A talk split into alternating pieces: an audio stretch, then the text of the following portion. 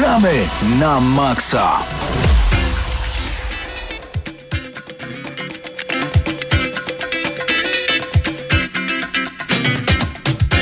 Rozpoczynamy w bardzo przyjemny sposób kolejny odcinek audycji Gramy na Maxa. Witamy bardzo gorąco tych, którzy zebrali się jak co tydzień przed radioodbiornikami Radia Free w całym Lublinie, w Lubartowie, w Świdniku, Gdziekolwiek jesteście, słuchacie teraz gramy na Maxa w Radio Free, bardzo nas to cieszy, ale dzięki mocom kamer i internetu mamy możliwość także dotrzeć do coraz większej rzeszy ludzi, Pozdrawiamy którzy całe parcze. oglądają nas na YouTubie. Parczew też pozdrawiamy. Pysz, pysz, a nie mogę Pyszny zareklamować.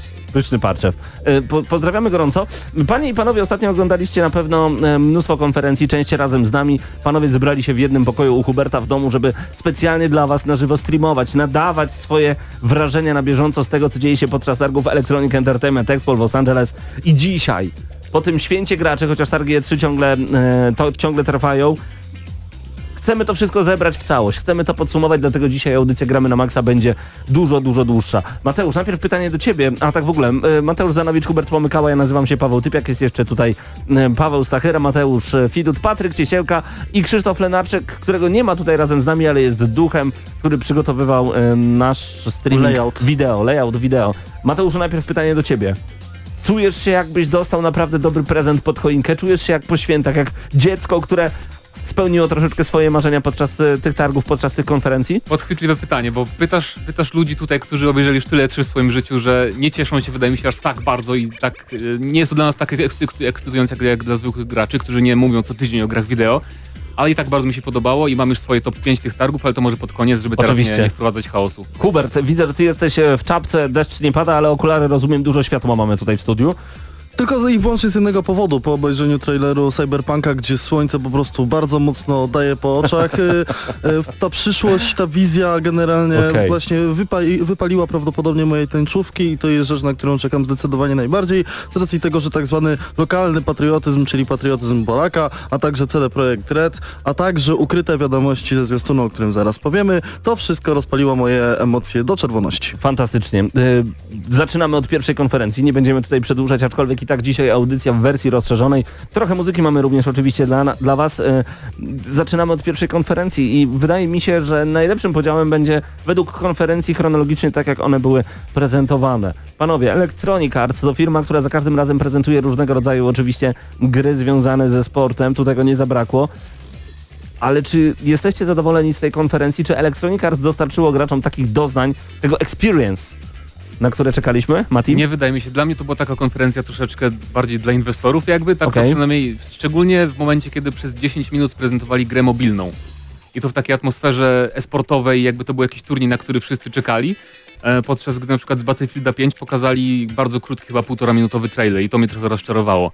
Na Jasne. szczęście po tej konferencji e, youtuberzy zaczęli publikować, bo tam można było grać to wszystko, w te gry, które tam prezentowali na EA Play, więc ten gameplay się pojawił po konferencji, ale właśnie na samej konferencji nie dos- nie dostaliśmy tego, co mnie podekscytowało, czyli właśnie gameplay z Battlefielda 5 chociażby. Z tego co widzimy, e, targi Electronic Entertainment Expo mocno się zmieniają, bo em, to co zrobiło dosyć pioniersko Nintendo kilka lat temu, dziękując już za konferencję i robiąc zupełnie nowy sposób przekazywania informacji na temat swoich gier, e, to, to, to troszeczkę zaczerpnęło Sony, ale tak jak wspomniałeś, e, Electronic Arts postawiło na influence marketing i wynajęło em, youtuberów, dało dostęp youtuberom, vlogerom, blogerom do swoich gier i dzięki temu mogliśmy zobaczyć ich gry, a nie na samej konferencji. No ale Battlefield 5 r- rozgrzał e, cię do czerwoności. E, Znaczy może nie do czerwoności, ale bardzo mi się podobają wszystkie zmiany, które twórcy Okej. wprowadzają i nie rozumiem czego nie czemu nie pokazali tego w ogóle na początku, bo te właśnie gameplaye pokazują jak ta gra wygląda, jak te wszystkie zmiany, e, których jest najwięcej od lat w Battlefieldzie w ogóle, jak one działają w gameplayu i chociaż ta kustomizacja postaci jest trochę dziwna, faktycznie można to dostrzec. W sensie Okej. żołnierze nie wyglądają jak żołnierze e, powiedzmy z Szeregowca Ryana czy innych tam filmów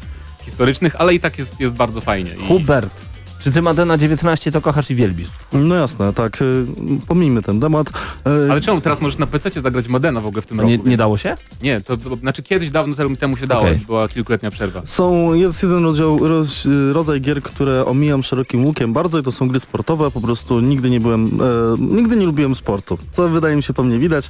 Chyba, że Mario Tennis. No tak, oczywiście, no wszystkie gry sportowe z Mario jak najbardziej poważam. Był Battlefront 2 i Gwiezdne Wojny, czyli mamy inne Gwiezdne Wojny, w sensie Star Wars Jedi Fallen Order. To gra od Respawn. Entertainment. To właśnie, e, widzę Pa- Pawle, że nie oglądałeś, ale to nic nie szkodzi. Opowiem Totalnie ci jak nie. to wyglądało. Wyglądało to tak, że Vince Zampella, który jest szefem Respawn Entertainment, stał w czapce i podeszła do niego pani konferencjer i powiedziała coś mniej więcej tego typu. Cześć Vince, słyszałem, że robiliście, robicie z y, Respawn Entertainment nową grę dla pojedynczego gracza ze świata Star Wars. Tak, tak, to prawda, ale nie możemy specjalnie nic więcej powiedzieć. I to było mniej więcej tyle tego typu Lubię, prezentacji. lubię bardzo tego typu zapowiedzi, szczerze mówiąc, bo to jest na zasadzie A kurczę, właśnie, chcę i ona więcej. jeszcze go zapytała, czy będę mogła podtrzymać m- miecz świetlny w tej grze. I on był bardzo zdziwiony i powiedział, że tak, będziesz mogła. E, To całkiem miłe. dodatek do, e, dodatki do Battlefronta 2. Tutaj przede wszystkim mówimy o jakichś tam dodatkach kosmetycznych, czyli była premiera filmu Solo e, e, Han Wars Story. E, Jezu, Han Solo Story. I, Han Wars. I tam oczywiście pojawiają się, będą pojawiać się nowi bohaterowie, e, którzy byli w tym filmie. Poza tym Command and Conquer Rivals to właśnie ta gra mobilna, o której wydaje mi się powiem Mateusz Danowicz więcej, bo ja niestety nie mam odpowiednich słów, żeby powiedzieć to w cenzuralny sposób. Mhm. To, co zwróciło moją, moje wrażenie na tej konferencji to Unravel e, 2. I w ogóle w jaki 2. sposób, ja strasznie lubię, kiedy oni mówią, no wychodzi nowa gra, którą tak bardzo lubiliście do tej pory, super, a i premierę ma właśnie teraz. Tak, i To jest piękne. Wychodzi na scenę ten Martin Sachin, który e, trzy lata temu wyszedł na, na scenę e, i jej pokazał trochę prawdy w tym świecie pieniędzy i, i generalnie e, biznesu, będąc całkowicie przerażonym i trzymając tą e, figurkę Jarniego z włóczki na scenie, wyszedł już trochę bardziej pewny siebie, ale okazało się, że e, Unravel 2 jest grą opartą w dużej mierze na kooperacji, e, będzie można grać we dwie osoby, no i właśnie premierę ma właśnie teraz, jak się ucieszyłem się bardzo dowiadując, że mamy już kopię do recenzji, także nie mogę się doczekać aż zagram w tę grę i Szybko, nie? tak. I w sumie chyba wszyscy czekali w jakimś stopniu, a na pewno nie czekali, co po prostu oczekiwali czegoś więcej z Anthem. To jest nowa gra od BioWare.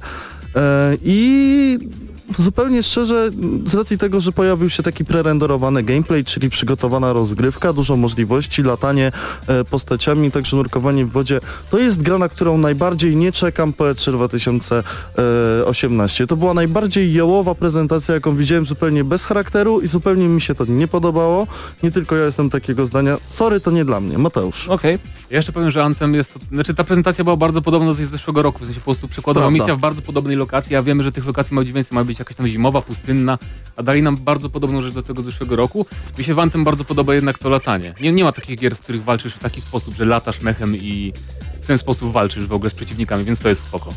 E, Ale a propos jeszcze EA, to właśnie w zeszłym roku, czy tam dwa lata temu mieli Unravel, teraz pokazali Unravel 2, ale jak zwykle musieli dać jeszcze jedną taką grę niby niezależną od nich i ona się nazywa Sea of Solitude. E, I to jest produkcja niemieckiego jakiegoś studia właśnie mniejszego i tam wcielimy się, w ogóle to jest taki ciekawy świat, gdzie ludzie, którzy są zbyt samotni stają się potworami, więc dosyć e, ciekawe założenia fabularne. Od razu się z Bioshockiem kojarzy. No, tylko zupełnie inaczej wygląda niż, niż Prawda. Bioshock, tak, e, gameplayowo i roz, rozgrywkowo, ale to właśnie taka gra w stylu, no powiedziałbym, em, ta gra, która wyszła, Rime. Jeżeli Mhm. graliście w Rime, to styl rozgrywki jest podobny, czyli eksploracja jakiejś tam fantastycznej lokacji. Wygląda bardzo ładnie, więc Również bajkowa produkcja. tak, więc polecam zobaczyć sobie gameplay. Do, Em. do mnie znajomy zadzwonił i powiedział, czy to prawda, że będzie nowy Command and Conquer i musiałem ostu, ostudzić jego e, zapał. Proszę bardzo, dwóch ostu, ostudzaczy teraz, Hubert i Mateusz.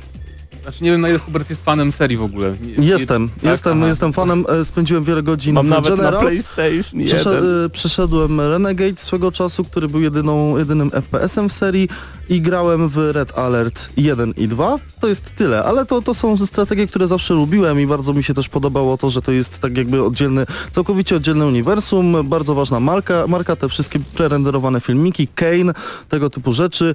I po wielu latach, kiedy Command and Conquer, Conquer zatyczyło koło, on, ta, ta seria jakoś nie może się wybić. I w momencie, kiedy teraz ten RTS, taki duży kolejny RTS y, potrzebny jest w ogóle, jeśli chodzi o, o platformy, nie mówię tutaj o konsolach, co nawet PC-ty, pojawia się gra mobilna, Rivals, która ma rewelacyjnie zrobiony zwiastun, który bardzo ciekawie się prezentuje i zachęca do zagrania w nią, który jest prezentowany po prezentacji samej gry, ponieważ gdyby zostało to pokazane przed prezentacją samej gry, to na EA prawdopodobnie by automatycznie spadła lawina gromów. E, natomiast to, co zobaczyliśmy, to dwie, e, dwa budynki po obu stronach e, mapy, bardzo blisko siebie oraz walczące ze sobą jednostki, które możemy przyzywać trochę na zasadzie wykorzystywania kart, z tego Czyli co zwróciłem e, uwagę. Clash Royale. Jeżeli Czyli graliście Clash Royale. Royale, to to jest to samo tylko Tak. w skórce Command and Conquer. Także niestety to jest straszny ból serca. Nie mogliby po prostu zrobić normalnej strategii? Następnej części normalnej Podejrzewam, że się strategii? nie opłaca, bo już e, to nie jest tak opłacane dla dużych wydawców robienie strategii, ale mimo wszystko e, trochę mi się nie, nie podobał sposób prezentacji tej gry, bo oni powiedzieli, że to jest nowy Command and Conquer dla nowej generacji graczy. To tak trochę się poczułem, jakbym ja już był tą starą generacją, która już nie może się cieszyć Prawda. nigdy Command and Conquerem. I, I generalnie był, był strasznie zrobiony jakiś taki overhype ze strony EA. Oni bardzo starali się w trakcie na, na tej prezentacji pokazać, że to może być przyszłość tak, patrzcie, tej e-sport marki. jak grają tutaj E- panowie. E-sport, tak, możliwość przenoszenia waszej ulubionej serii gdziekolwiek jesteście i nikt się na to nie nabrał. A może oni już oni może już coś wiedzą odnośnie Microsoftu, bo na konferencji Microsoftu na chwilę przeskoczę do tej następnej. Było tak powiedziane, że zabierzecie swoje doświadczenie konsolowe na dowolne urządzenie i gdziekolwiek jesteście. Może oni idą w tę stronę, panowie. Nie, to jest y, chodzenie w stronę pieniędzy jednak. To No jest pieniądze są najważniejsze w tej branży mobilna, mikrotransakcje, nic nie zostało potwierdzone, ale właśnie tutaj Clash Royale, który się pojawia, to jest gra, która się opiera całkowicie na monetyzacji. No dobrze, a czy I to tyle, jeżeli chodzi o bo nie było nic więcej. Ostatnie pytanie. Czy tego Command and Conquera myślicie, że się będzie grało po prostu przyjemnie i dobrze? Czy w ogóle spróbujecie, czy od razu skreśliliście ten tytuł, bo stwierdziliście skok na portfel, koniec? Jeśli to będzie darmowa produkcja do pobrania na telefony e, komórkowe albo na przykład Nintendo Switch, to oczywiście dam szansę, natomiast wcale się nie zdziwię, jeśli po dosłownie kilkunastu minutach, kilku godzinach się od tego odbije. Natomiast to musi być produkcja free to play. Ewentualnie, jeśli byłaby to produkcja, która dostałaby duże nuty, wysokie nuty branżowe i byłaby płatna, ale byłaby pozbawiona mikrotransakcji. Jasne. Mateusz? E, Dla mnie nie, bo grałem w Clash Royale i jakoś mnie nie porwało, bo to tam tylko po prostu, wiesz, wysyłasz jednostki, żeby szły do przodu same i tyle. Pawle, więc- chciałbym jeszcze powiedzieć na sam koniec, że nie wiem jak Mateusz Zdanowicz, bo nas z nami nie było niego, ale wszyscy, którzy siedzieli u mnie, jednogłośnie stwierdzili, że konferencja Electronic Arts była najgorszą konferencją tegorocznego E E3. No tak, ja O. się zgadzam. I jeszcze chcę powiedzieć, że zaskoczy mnie trochę brak Need for Speeda, bo zawsze był Co dwa zapowiadany. Co dwa lata. jednak, aha. Tak. Nie, kiedyś był co roku. Więc Kiedyś tak, ale ja od też kiedy Ghost przejęło e, prawa do Need for Speeda i zrobiło Need for Speeda 2015 i e, Payback to jest Faktycznie. co dwa lata. Ale to... Bo miałem taką nadzieję, że jakby zrezygnują z NFS-a i przy, jakby przywrócą Burnouta, jak zrobili ten O, remaster. to by było, to by było. To na pewno jest badanie Ale rynku. y, drodzy słuchacze, ja mam taką małą anegdotkę, ponieważ ja w sobotę byłem akurat na weselu. E, odpaliłem sobie z opóźnieniem godzinnym, bo pomyliłem godziny po prostu e, tę konferencję. Obejrzałem pierwszych 15 lub 20 minut. Zobaczyłem, że jest pokazywany Need for Speed Payback. Pomyślałem sobie, wow, ale, Okej. podra- ale podrasowali tę grę, naprawdę ładnie. Spoko, czyli jakiś duży dodatek się szykuje. Po czym po tych 20 minutach zobaczyłem, że od 20 minut oglądam konferencję zeszłego roku. Ale przynajmniej cieszyłem się tym Need for Speed. No to widzisz, przynajmniej miałeś więcej radości. Przynajmniej u, Więc- mnie, u mnie był Need for Speed. Okej, Bardzo e, zostawiamy Was na chwilę z przerwą. Tutaj oczywiście dużo muzyki prosto z festiwalu e, Game Music Fest. Zapraszamy Was bardzo gorąco na gamefest.pl. Zawsze zapominam tę stronę, muszę ją szybko sobie wpisać. gamefest.pl Em, chyba tak dokładnie się ją wpisuje. Jeżeli nie, to bardzo przepraszam. Chodzi o to generalnie, że pod koniec października w, we Wrocławiu mm, odbędzie się, nie, to nie jest ta strona, e, odbędzie się festiwal muzyki z gier wideo, to będzie dokładnie 20 chyba 7 i 8 października. Będziemy pewnie rozdawać znowu bilety na ten festiwal, ale zapraszamy Was po prostu bardzo serdecznie. Wygooglujcie sobie Game Music Festival i na pewno odnajdziecie informacje. Od chłopaków dostaliśmy też trochę legalnej muzyki, dzięki której, y, albo którą możemy y, zagrać właśnie tutaj w Radio Free i teraz, i teraz coś przyjemnego. Ciekawy, czy ktoś rozpozna? Gramy na maksa.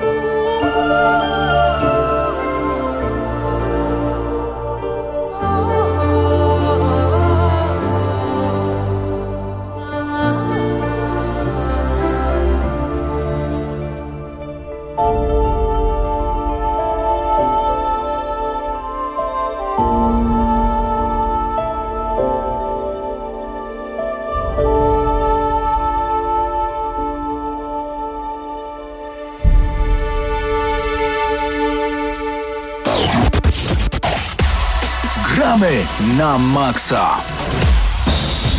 No i całkiem ładne granie z, prosto z Ori and the Blind Forest na antenie Radio Free w audycji Gramy na Maxa. Zapraszamy Was bardzo gorąco do tego, abyście dołączyli do naszego streamu. Y, Jesteśmy w tym momencie także na YouTubie, na żywo możecie nas zobaczyć, możecie podglądać, możecie dołączyć do czatu, no i przede wszystkim zadawać pytania, komentować, jak Wam się podobały różnego rodzaju mm, konferencje prasowe, które mogliśmy obejrzeć podczas targów E3, a niedawno, bo po godzinie 19 zakończyła się konferencja Nintendo. Co tam pokazali? Och, jeszcze trochę konferencji przed nami, dlatego usiądźcie wygodnie i rozkoszujcie się przedłużeniem E3 właśnie przez audycję Gramy na Maxa. Patryk Ciesielka, Paweł Stachera są razem ze mną dzisiaj. Dobry wieczór panowie. No dobry wieczór. No witamy. Zmęczeni troszeczkę, bo byliście całą noc u Huberta, oglądaliście e, konferencję Sony, z tego co wiem. Tak, zmęczenie to jest najlepsze określenie. Ech, Wyszliśmy dosyć świeżo w porównaniu z tym, e, jak e, wychodziliśmy z konferencji w Microsoftu, kiedy Jasne. naprawdę nie dotrwaliśmy już do Bethesdy, zmęczeni byliśmy tacy. Rozumiem. Natomiast, no miło, bo pogadamy teraz sobie o Microsoftie, czyli chyba według większości członków redakcji jednogłośnie tutaj e, najlepszej konferencji e, targów. Tylko teraz Mi zadam wydaje, pytanie, że to panowie, bo... Mhm. Że to jest w ogóle nawet przez większość e, oglądających te, te wszystkie. Y, Różnie bywa, ale ja po prostu uwielbiam stawać okoniem, nazywany jestem przez to e, fanboyem Microsoftu, ale uwielbiam stawać okone, Bo okoniem. jesteś. Bo e, co tak naprawdę waszym zdaniem sprawiło, że ta, ko- że ta konferencja jest najlepsza? Bo, Znaczy, bo, no, bo ja- ona była bardzo dobra, ale czy najlepsza, to bym polemizował. No musisz zrozumieć, że ta konferencja była najlepsza nie dlatego, bo to nie jest, nie jest konferencja, która zapowiedziała jakoś mnóstwo ekskluzywów e, Microsoftowych, Xboxowych. Okej. To nie jest, to nie jest e, taka, tego typu konferencja, to nie jest e, rzucanie jednym eksem za drugim. Oni zrobili coś innego, oni zrobili show, to znaczy pokazali nam przez cały, przez cały dzień, e, przez cały wieczór chyba tam 18 Półtorej- tytułów, czy Wow. coś koło tego, z czego większość to były albo nie, znaczy większość, no spora część była niezapowiedziana, e, niektóre z nich to były multi, multiplatformy, ale też zobaczyliśmy je tam po raz pierwszy, w tym ta jedna, którą, na którą wszyscy czekaliśmy już od Czyli wielu, wielu tak lat. naprawdę e, podsumowując, e, podsumowując, nie można jeszcze podsumować, bo jeszcze nie powiedzieliśmy emocji za po dużo. prostu dali. Właśnie, endorfiny zadziałały najbardziej i Tak, e, najwięcej przyjemności dostaliśmy od Microsoftu. Bo to jest kwestia taka, że no jesteśmy graczami i chcemy zobaczyć gry. Tak. I Microsoft nam to dostarczył. I było bardzo dużo tytułów, bardzo dużo ciekawych tytułów. Wejdę ci w słowo, Patryku, bo nie tylko gry chcemy zobaczyć na E3, chcemy zobaczyć przyszłość i to, co nas czeka, bo bardzo często jesteśmy karmieni trailerami bez pokrycia, zapowiedziami bez daty premiery e, i my chcemy tę przyszłość mieć jak najbliżej, chociaż i tak nie mamy czasu, żeby w to wszystko grać. No niestety Microsoft e, nauczył się tutaj od Sony nie tylko jak się robi dobre konferencje w tym roku, ale też jak, e, jak rzucać tytuły, przy których nie ma dat premiery, bo bardzo dużo ich tam e, niestety było. To prawda, zacznijmy no, ale, od ale ciekawostki. zacznijmy właśnie od rzeczy, które nie są związane chyba z grami, tak? Ty- jakby bezpośrednio, nie, Okej, nie o ja chciałem o, o, o kupnie studiów opowiedzieć na sam Dokładnie o początek. tym mówię. Tak jest, bo Microsoft stwierdził, że skoro wszyscy mówią, że ej, nie macie ekskluzywów, no to kupimy sobie kilka studiów, w końcu mamy pieniędzy jak lodu e, i wykupili Ninja Theory. Przypomnijmy, za co odpowiada Ninja Theory. Ostatnio Heavenly Sword. i Senua's Sacrifice. E, to się tak dokładnie nazywało? Tak. Senua's Jeszcze Enslaved tutaj woła do nas a, Mateusz. Enslaved, masz rację, masz rację Mateuszu. E, I to były tytuły, w które, to znaczy tak, Heavenly Sword było tylko na PlayStation 3, Senua's Sacrifice pojawiło się później na Xboxie One, na początku na PlayStation 4, Enslaved było multiplatformą, o ile dobrze pamiętam. Natomiast w tym momencie Ninja Theory będzie robiło gry tylko i wyłącznie dla Microsoftu. Playground Games, które bardzo mocno jest kojarzone z e, Forza Horizon, a teraz tworzy także jakąś grę w otwartym świecie. Zostało także wykupione, chociaż ja byłem przekonany, że oni już należą do Microsoftu. Ja też, ja też tak sądziłem, no ale widocznie po prostu byli blisko z nimi e, spokrewnieni, tak? Czy jesteście w stanie mi Compulsion Games e, jakoś przywołać tutaj? Co oni robili do tej pory? Czy to nie jest, to nie są twórcy The Happy Few? We A, moż, a możliwe, możliwe. Nie wiem na E, pewno, nie ale... jestem pewien, ale w sumie możemy szybciutko o tym powiedzieć, bo to jest taka, to jest taki indyk, który został zapowiedziany zdaje się rok temu na E3 O, albo na Gamescomie. więcej mi się wydaje. No nie wiem, lub kiedyś, dwa. kiedy, dawno temu widzieliśmy gameplay z tego i to jest, to wygląda jak taki jakiś e, w- dziwny e, e, taki Bioshock a la Clockwork Orange, nie wiem jakby to inaczej określić, ale ciekawa gra i to jest, na pewno pokazuje, że oni nie kupują tylko tych e, wielkich studiów, które odpowiadają za mega znane gry, ale też sobie kupili troszeczkę takich indyków, e, powiedzmy e, obiecujących. I to jest, e, no patrzą na przyszłość, bo tak jak mówiłeś, narzekano, że oni w porównaniu z Sony nie mają tylu eks- eksów, tak? No nie mają. Więc, więc oni e, po prostu no, zrobili coś z tym, poszli na zakupy, tak? Mają No pieniądze. Tak, to prawda, to prawda. E, I cho chcą chociaż po prostu buzię zamknąć niektórym fanboyom, że na zasadzie, ej, my też teraz będziemy mieli ekskluzywy. Zobaczycie jakie i ja chcę tutaj trzymać Microsoft za słowo, zobaczymy jakie, bo Niczego się nie spodziewam, po prostu, nie wiem. Sony jest tak mocarne w ekskluzywy, że że są, no, jeżeli chodzi o konsolę, no chyba najlepszą konsolą w tym momencie na rynku dla grania w ekskluzywy, no ale multiplatformą najlepszą ciągle jest Microsoft, koniec i kropka. Natomiast e, jeżeli chodzi o zakupy, to jeszcze kupili The Initi- Ini- Initiative, Initiative, jak to przeczytać? Inicjatyw. Initiative. Chodzi o inicjatywę. Umiem w angielski. Initiative, a także Undead Labs. Dobrze. em, informacja, że w Xbox Game Pass wejdzie Fallout za darmo od razu tego samego dnia, to znaczy e, wtedy, kiedy była konferencja w niedzielę. To była bardzo przyjemna informacja, ale to takie... Tam w ogóle sporo więcej gier weszło ciekawych e, tamtego dnia. The Division również. Tak. I coś jeszcze. I gry. Ale, ale to pokazuje, że rozwijają tą e, inicjatywę też o gry, które nie należą jakby do nich, tak? To nie tylko e, te eksy Microsoftowe, ale też pokazują e, pokazują nam e, gry z zewnątrz, duże tytuły AAA. Panowie, ale jeszcze jest taka jedna dziwna rzecz, że mm, nie wiem, czy też od, odebraliście takie wrażenie, że kiedy wyszła ta pani i prezentowała em, Game Pass, na zasadzie nie wychodzimy, nie chwalimy się tak bardzo, tylko hej, jesteśmy, mamy Game Passa, czyli bardzo tanio możecie mieć gry w dniu premiery, więc dorzucamy czy to i to i to, bawcie się fajnie. Oni nie weszli tak jak jakiś taki, wiecie, pub, który rozkłada pióra i mówi Mamy tego tyle, zapraszamy do nas, wejdź do karczmy wędrowcze. Nic z tych rzeczy tam nie było. To było dosyć skromne i to mnie troszeczkę zdziwiło, bo uważam, że Game Pass jest jedną z rzeczy, którą akurat Nintendo, no wróć, Microsoft powinien się chwalić, a Nintendo powinno wprowadzić. Co Bo to jest, to jest jedna z tych rzeczy, które zmieniły jakby Microsoft względem poprzednich lat, bo oni kiedyś by się chwalili właśnie tym na E3, a to nie nadaje się na chwalenie się na E3, bo na E3 trzeba nowe tytuły pokazywać, tak? To I, prawda. I dlatego oni to tak potraktowali, jak przy okazji, nie? Mam wypisany Xbox Adaptive Controller. Ja widziałem, że tam ktoś grał na nim, ale czy było coś wspomniane o tym kontrolerze? E, tylko się pojawił przez sekundkę Okej, przy właśnie, tak? Tak, dokładnie, dokładnie. Tam To też widziałem, rzeczywiście. Black Desert, grał. tytuł, który od razu mnie zainteresował dosyć mocno, bo jakieś takie dark fantasy nam się szykuje. Mówisz o Black Desert? Tak. No nie, zawiodę cię. Patryk, może ty chcesz, chcesz rozczarować, Opowiadaj. Jest, jest to gra e, MMO, tak? I O. na którą długo czekali PC. na, którą, na którą bardzo długo czekali i no okazało się- że jednak, że jednak to nie jest dokładnie to. Ale e, hej, wyglądała, wyglądała tak, że e, nie wiedzieliśmy co to jest do ostatniej chwili, bo dokładnie, sumie dokładnie. e, za długo No, trailer nie- był świetnie No przedstawiony. był świetny, mi, mi, mi to się podobało, pomyślałem sobie, wow, jakieś fajne dark fantasy, ale mi się podoba, pogram. Bo to jest Nie taki pogram. Bardzo, Nie, to ma nie bardzo pograsz. dobry silnik, tak? Ale to, to dalej jest MMO i to takie bardzo proste dosyć to e, nie bez jest kontentu. Był Crackdown 3, który... Jedynka była świetna, dwójka przeszła tak trochę bez echa, a na trójkę chyba już nikt nie czeka niestety. No chyba tak, tak to wygląda, no bo no, przeleciała ta prezentacja i nikt jakoś nie był za bardzo podekscytowany. Takie neonowe Just Cause bym powiedział. Właśnie miałem mówić, to wygląda jak Just Cause pod Just tym Cause względem, że Może trochę jak dużo gameplayu. Saints Row. Okej. O. Coś, coś w tym stylu. dużo gameplayu, ale bez y, tego, co cię zatrzyma na dłużej, bo w, w Saints Row cię zatrzymywało na dłużej y, humor, klimat, Tak, y, szalony świat. Tak? Natomiast tutaj no, No to gry na jeden wieczór, tak? Natomiast- Że postrzelasz, wybuchnie i tyle. No plusem jest to, że gra będzie także dostępna od razu w dniu premiery albo na półce sklepowej możecie pójść po prostu sobie kupić. E, To nie jest kryptoreklama, nie, nie to, że polecamy, czy chcemy tylko powiedzieć, że ona też będzie dostępna w ramach abonamentu, który będzie, szybko liczę, 5, 6, 7 razy tańszy od samej gry. Więc do Was należy wybór, jak macie ten abonament, to nic nie dopłacając, możecie po prostu spróbować wyrzucić albo spróbować i zostać. I to jest akurat e, dla mnie jeden z największych argumentów e, przemawiającym za tym, że Microsoft idzie w ciekawą stronę. Em, Zatrzymajmy się proszę na chwilę przy Game Passie, bo dzisiaj nie spieszymy się nigdzie. Ciekawa wymiana zdań pojawiła się na naszym Hyde Parku pomiędzy mną a Grabartkiem. E, Pozdrawiamy bardzo serdecznie. Grabartek w tym momencie na YouTubie nadaje, ale nie idźcie tam do niego, u nas zostańcie.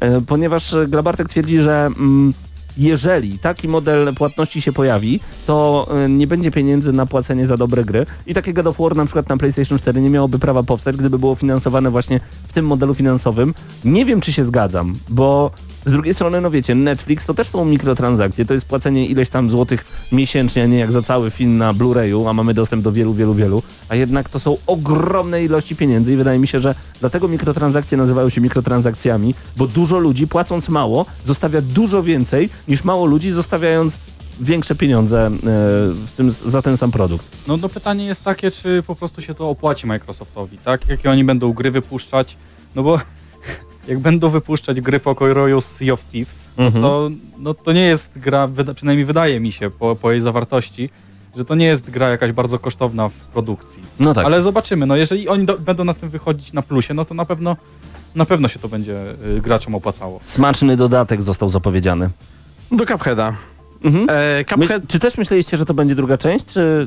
Nie. E, byłem przekonany nawet, że to no, na, w najlepszym wypadku spin-off, ale, ale spodziewałem się raczej, że właśnie jakaś, jakiś nowy content. To tak? zapytam o jeszcze jedną rzecz, ponieważ na konferencji Ubisoftu też e, była mowa o pewnym dodatku do mm, ku- kurlików, Mario i kurliki, to się tak po polsku nazywało, Rabbids, Mario tak, Rabbids, coś tam, Mario coś tam. Rabbids. Natomiast e, Kingdom Battle. dużo coraz większych dodatków zaczyna panowie wychodzić i to wydaje mi się jest bardzo dobra tendencja, bo pamiętacie, była taka sytuacja, że na przykład mieliśmy Diablo 2, dodatek do Diablo 2, który był potężny, a potem była zbroja dla konia, kolorowe Tak, tak, miecze. dokładnie. Odchodzimy od tych, e, znaczy inaczej, nie odchodzimy od małych DLC, co więcej, rozdrobniliśmy się dalej, bo teraz mamy e, kosmetyczne mikrotransakcje, Okej. ale jednocześnie e, coraz więcej się pojawia też takich tych e, dużych rozbudowanych expansions, nie? Takich e, rozwijających dużych dodatków.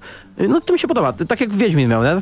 Te dwa swoje. Dokładnie. Mam wrażenie, że mm, nie wiem, może branża zauważyła, że na tym też się da zarobić. Szczególnie jak da się zrobić taki dodatek po taniości, nie? Cuphead The Delicious Last Course, czyli ostatnie pyszne danie. Mhm. No bardzo ciekawie się to zapowiada, a fani Cupheada y, na pewno się ucieszyli, kiedy to zobaczyli. Mam tutaj, bo tutaj mamy taką rozpiskę przygotowaną przez Ale jest Huberta. alfabetycznie Jest chyba alfabetycznie. chcemy to na koniec zostawić, Tak, co? bo wszyscy będą pamiętać o końcówce. Wiecie co jest po Cupheadzie na C, nie? Devil May Cry 5 także został pokazany i w momencie, kiedy to się pojawiło, obudziłem cały dom. Ja zacząłem krzyczeć, ja wiedziałem, oczywiście, że wiedziałem, że robią DMC y, piątkę. Devil May Cry A piątkę. nie, właśnie, ja, ja cały czas myślałem, że to jest DMC2 i tak wałem włosy z głowy, a potem się okazało, że to jednak piątka, bo to Nero jest, Tak. a nie ten dziwny Dante z y, Ja DMC. lubię, dla mnie to i tak ten DMC dużo lepszy niż poprzednia czwórka, no ale dobra, nieważne, nie kłóćmy się na ten temat. Y, y, bardzo lubię slashery. Tak, właśnie generalnie y, ja też grałem w większość tych y, dostępnych, no jeszcze nie grałem w tą czarownicę, jak ona się nazywa? Bajoneta, o Mhm. właśnie, wyleciało mi z głowy. No i jak zobaczyłem tego Devil May Cry'a, no to kurczę. No to trzeba wygląda zagrać. świetnie. Wygląda rewelacyjnie, bardzo dobra muzyka, bardzo duża dynamika i taka badasowość, że tak Właśnie to to ujmę. wygląda jak połączenie troszeczkę właśnie tych klasycznych DMC z tym klimatem tego, znaczy tych Devil May Cry'ów, Mhm. z klimatem DMC, czyli tego, który, który właśnie tak odróżniał się troszeczkę, nie? Był takim bardziej odmłodzony. Zdecydowanie, panowie. Ziomalski. To znaczy ja, tak jak mówię, no ja jednak lubiłem tego Ziomalskiego, bo on, em, on był inny i ja tę grę jeszcze niedawno sobie nawet właśnie e, w Game Passie przypomniałem i no skończyłem raz jeszcze, bo, bo jest świetna, jest inna, jest design, design leveli w tej grze to jest nagroda, nie wiem jaka jest nagroda za design, nagroda typiaka. O, Nagroda jaka za design. dla DMC. E, przejdźmy, Przejdźmy do polskiej produkcji, tak jest. ale też nie tutaj na C. Dying Light 2. W ogóle, kiedy ten O. facet biegł po tej ścianie i wskoczył na tego drugiego, ja pomyślałem sobie, nie wierzę Danusiu, że to jest Dying Light 2. Ale okazało się, że mhm, Ale mhm. jaki Dying Light 2? Właśnie. Nie tylko gra wygląda rewelacyjnie, to jest jak rozwinięcie tego, co było świetne w poprzednim e, Dying Light, czyli e, tego parkouru, ś- przepięknego świata, Tak. e, gameplayu, ale też to, tutaj widać, że porzucają troszeczkę te zombie, ale nie całkiem, bo się pojawiły na końcu jako taka mała zajawka. Mhm, E, więcej, jest, więcej jest walki tak. z, z ludźmi, co trochę mnie martwi, bo Właśnie walka z ludźmi też, była najgorszym elementem tak naprawdę Dying Light. Jeżeli, jeżeli dochodziło do starć z ludźmi w Dying Light'cie jedynce, no to wtedy człowiek się męczył, bo oni byli strasznie szybcy, unikali wszystkich ciosów, nie można było wyprowadzić mm, jakiegoś normalnego uderzenia i to było takie, takie słabe bardzo i liczę, naprawdę liczę na to, że oni w jakiś sposób e, rozwinęli tą walkę, no bo na tym trailerze ona wyglądała bardzo podobnie do tego, co mieliśmy, co mieliśmy w Dying Light'cie jedynce i trochę się obawiam. Mam nadzieję, że to będzie tylko wygląda na tym trailerze tak jak w jedynce, ale będzie zupełnie inaczej. Niesamowity jest ten moment, bo w ogóle możecie wejść na stronę Techland Wydawnictwo. E, Sama zmiana miasta pod względem e, naszych wyborów, czyli mamy mm, tą samą architekturę, ale zupełnie inny setting, czyli e, Tak, w tym ma, będzie miejscu, bardziej zniszczone, jeżeli Tak. jakieś decyzje podejmiemy, w tym może miejscu też będzie wieża, ale ta wieża może wyglądać na kilka różnych sposobów i e, moje, moje Dying Light, Berlin, Dying tak? Light, To chyba Berlin, och, miasto. nie wiem, nie wiem, nie Widzieliśmy bramę brandenburską albo coś przypominającą ją, więc tak do, do takiego doszliśmy wniosku. Pawła miasto może wyglądać też zupełnie inaczej niż wasze i to wszystko zależy od waszych decyzji i za to szanujemy Techland. To, w ogóle jest, to jest też kolejna rzecz, Mhm. bo mi, ja na przykład miałem problem w jedynce, że ta fabuła była słaba, była mierna i nie, nie pociągała mnie w ogóle. A Nie teraz chciałem- kogo mamy tutaj na pokładzie i dlaczego fabuła będzie rewelacyjna? mamy Chrisa Avelona, człowieka, który, dzięki którego mamy New Vegas, dzięki którego mamy no, jedną postać w Divinity Original Sin 2, ale dzięki niemu mamy naprawdę dużo świetnych RPGów. To jest taki weteran e, najlepszych RPGów, jeżeli chodzi o historię. Tak. I to skłania który nas przychodzi do tutaj tego, i no. to skłania nas do tego, żeby myśleć, że ta fabuła rzeczywiście tam będzie i ona I nie będzie tylko fabuła, bardzo dobra. system konsekwencji właśnie. To też jakby pokazali jego na scenie, żeby to tłumaczył, więc to jakby tutaj pokazuje, że Techland chce postawić na tą e, warstwę I to mnie fabularną. cieszy. I to mnie bardzo cieszy. No i przechodzimy... A nie, jeszcze nie. Y, Jeszcze Fallout. Chyba Fallouta nie wiem, czy nie, nie zostawimy może na BTSD. Dobra, Bo tu jest bardzo dużo tytułów przy Forza Microsoftie. Horizon 4. Po tym jak zobaczyłem zapowiedź Forcy Horizon 4, która będzie w Wielkiej Brytanii, odpaliłem sobie Forza Horizon 3, y, bo trzeba w końcu wycisnąć maks maksimum, bo ta gra już za chwilę się pojawi, również w abonamencie jak najbardziej, a także za normalną cenę, także też możecie ją sobie po prostu sprawdzić. Yy, I to jest super. Zapowiedziano po prostu Forza Horizon 4, ja uwielbiam, bo to jest festiwal muzyczny i samochodowy. Motoryzacja i muzyka, genialna muzyka, y, mnóstwo hitów, mnóstwo muzyki klasycznej, mnóstwo e, Owiec. e, rocka, mnóstwo owiec. Opowiadaj. Ja się, ja się na przykład nie znam na tych, na tych grach, dlatego się wypowiem, prawda? Świetny pomysł. Yy, no dla mnie to wyglądało ładnie i podobała mi się to yy, destrukcja otoczenia. No to, to tyle ode mnie. Ja generalnie nie jestem wielkim fanem ścigałek. E, grałem głównie w takie, wiecie, bardziej z, takie, w których chodzi o niszczenie przeciwników, niż o ściganie się faktyczne. E, sprawiają mi dużo większą radość, natomiast e, nie mogłem oderwać wzroku praktycznie od prezentacji tej, bo no ład, nie to, że taka ładnie wygląda, chociaż e, nie wiem jak, czy jak na standardy wyścigówek, które zawsze są ładne, e, czy aż tak się wyróżnia, natomiast no zniszczenie otoczenia, dynamika duża, e, ten t- system po roku dynamiczny. Trzeba Wszystko będzie- było takie płynne. To trzeba będzie po prostu zagrać. E, Mateo 213 na naszym czasie napisał. Ja się wcale nie dziwię, Mateo, ja e, zgadzam się, cytuję i też jestem zdenerwowany. Zróbcie coś, bo z oglądalnością u was kiepsko, bo ogląda nas teraz 43 osoby. No, w Radio Free słucha nas kilkanaście tysięcy osób w tym momencie, ale na YouTubie tylko 43 osoby. Ym, a jakiś poziom trzymacie przecież. Zatrudnijcie mnie jako speca od marketingu, pomogę. Mateo? Napisz do nas na priv. I udostępnij, udostępnij naszą relację, a wszystkich naszych słuchaczy zapraszamy bardzo gorąco e, tutaj na YouTube, jeżeli możecie. Wiemy także, że wiele osób słucha nas teraz e, będąc w pracy, jeżeli pracujecie wieczorami, dostajemy często maile, że po prostu umilamy wam czas, kiedy wy nie możecie oglądać telewizji, grać na konsoli, ale po prostu radio możecie mieć włączone gdzieś tam na słuchawce. Jarosław Pozdrawiamy. Frygalik dopisał jeszcze, kiedy my mamy czas w to wszystko grać. No i szczerze powiedziawszy, ja nie wiem, kiedy my będziemy mieli czas w to wszystko grać, kiedy to już wyjdzie. Nie mamy i to jest najciekawsze. Dlatego bardzo lubimy konferencje, bo to jest jak... To, Pigułce taki... ja, to, to jest taki window shopping totalny. Dokładnie tak. Dokładnie. Lizanie loda przez Przechodzimy akwarium. do tego, co najbardziej e, spodobało się chyba tobie, ale najbardziej chciałbym tutaj najpierw spropsować e, Microsoft za to, jak to pokazał, jak Oj, tak. bejtował wszystkich. Otóż Najpierw pojawia, pojawia się czer- logo Gearsów. Czerwony omen. Crimson omen. Paweł już się cały czerwieni. I nagle popy wyskakują, czyli te takie dziwne figurki z dużymi głowami. Wszyscy się zaczynamy śmiać. Ja- ja- Jest zabawnie. Ja cieszę się, że mnie nie było Po- wtedy na streamie, ponieważ no przekląłem. No byłoby ten. E, Natomiast e, później zwrot akcji. Jednak mamy jakieś e, poważnie wyglądające postaci, ale zaraz. To strategia. Czyli jednak nie ma normalnych Gearsów. I tu się nagle- potem następny zwrot akcji. I nagle się I okazuje, Gearsy że 5. Gearsy 5. E, Ktoś ładnie napisał w internecie, że Microsoft oddaje skrót GOV Sony, już nie będzie GOVa na, e, na Xboxie, będzie po prostu Gears. Gears Pop, Gears 5, Gears Tactics. E, Trzy gry z serii Gears of War, tak można powiedzieć. O Gears Pop nie wiemy za dużo, wiemy, że będzie grą mobilną. Ale to jest dobre, wiem, że będzie grą mobilną, a jej nie hejtujemy. Hehe. Bo zaraz potem pokazali grę całą, to nie było Command and Conquer. Rozumiem.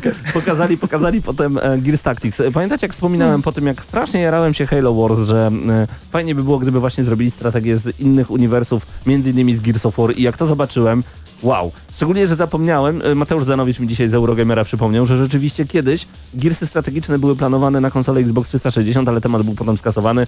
Nie wiedziałem, zapomniałem, wyparłem. To przypomina troszeczkę formułę właśnie nie taką klasyczną, e, nie takiego RTS-a, nie strategię, tylko bardziej takiego e, XCOMa, tak, taką Tak. strategię taktyczną, nie? Do, dokładnie, I to dokładnie. jest, to jest akurat dobre podejście do tej serii, bo ona zawsze była taka też z tą, e, ze swoim przyklejaniem się do osłon, taka trochę taktyczna, niekoniecznie taktyczna w tym znaczeniu, że musimy dużo myśleć e, robiąc e, to, co robimy, czyli przebijając się przez hordy przeciwników, ale wprowadzała te elementy, tak? E, Chowania się i taktyki, które są właśnie w tym gatunku. Przemieszczania się, zmieniania pozycji, żeby nikt nas nie zaszedł od tyłu. Dokładnie. Dokładnie, no zobaczymy jak to, jak to wyjdzie.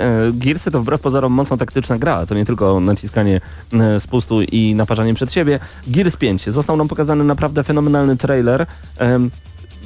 Mogę powiedzieć, że o ile nie jestem fanboyem naprawdę żadnej konsoli, to Gearsy kocham ponad wszystko, to jest moja ukochana gra, chociaż są gry lepsze, ale uważam, że to jest najcudowniejsza moja gra, kocham w nią grać, jest rewelacyjna. I kiedy zobaczyłem Gearsy 5, mnóstwo pytań pojawiło się we mnie, ponieważ zobaczyliśmy oczywiście skład znany z Gears of War 4. W ogóle Zapomnijmy już w ogóle o ekipie Markusa Phoenixa. Nad, nadeszły nowe porządki. Jest Markus w, w tym trailerze oczywiście, ale są nowe porządki. I e, mamy tutaj Kate, która była jedną z bardziej denerwujących postaci, jeżeli chodzi o Gears 4.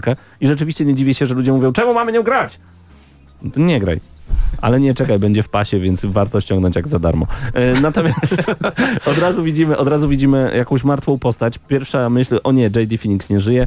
Nagle podchodzi jakiś mężczyzna z napisem Phoenix, już jest takie, hu, to nie JD, no ale ktoś bliski dla Kate'a, jesteśmy zbliżeni z tymi postaciami. No i potem okazuje się, że JD Phoenix już nie wygląda jak taki wykidajło, jak taki Patrick Swayze na motorze, tylko wygląda jak no taki drwal, broda, łysy, no przypomina Markusa. God of, God of War. God of War. To jest rzeczywiście. Kratos. Nie, nie pomyślałem o tym, nie pomyślałem o tym. No i po- pojawia się też Markus Phoenix e, i przypomnijmy tak, że no, nie zostało wiele zagadek rozwiązanych, jeżeli chodzi o pierwszą trylogię. E, Nie wiemy dlaczego królowa Myrra, czyli ta królowa, która jest e, królową wszystkich lokustów, tej szarańczy, która wyszła z podziemi planety Sera, a okazuje się, że Kate jest jej wnuczką. Spoiler alert, mieliście, mieliście już trochę czasu, żeby pograć w czwórkę, dobrze? No i teraz e, w poszukiwaniu siebie, jak to śpiewał, pokonać siebie, udowodnić, że można lepiej. Kate będzie tak robić. I ona będzie właśnie szukać, szukać siebie, Markus jej pomoże, JD się denerwuje i do końca nie wiemy, czy ona będzie wrogiem, czy będzie po naszej stronie. I tyle wiemy na temat Gears 5. Ym, Na pewno możemy się spodziewać hordy, na pewno możemy spodziewać się rewelacyjnych trybów typu Deathmatch, które znamy zewsząd. Prawdopodobnie będzie Battle Royale, chociaż nie, w Gearsach byłoby ciekawe notabene. No zobaczymy jakie będą tryby. Nie wiemy kiedy gra wyjdzie, czyli mamy kolejną obietnicę bez chwilowego pokrycia. Halo Infinite, od tego w ogóle zaczęła się cała konferencja. Nic nie wiemy. Wiemy, że Halo 5 będzie na PC, a nie I było że będą dinozaury. i że będą dinozaury i nic nie wiemy na temat Halo Infinite. Jump Force to gra, która mnie od razu bardzo zaskoczyła, bo mamy tutaj połączenie em, trzech e, serii mang i anime, czyli mamy Dragon Balla, do tego jeszcze jest Naruto, no i One Piece i oni się wszyscy będą naparzać, tylko w stylistyce, która mi nie leży, czyli w takim pełnym 3D. Mamy tutaj e, za plecami macie Mateusza. Mateusz, chcesz coś dodać odnośnie Jump Force? Nie, okej, bo Mateusz bardzo lubi nawalanki, ale chyba nie tą. No właśnie, czekasz?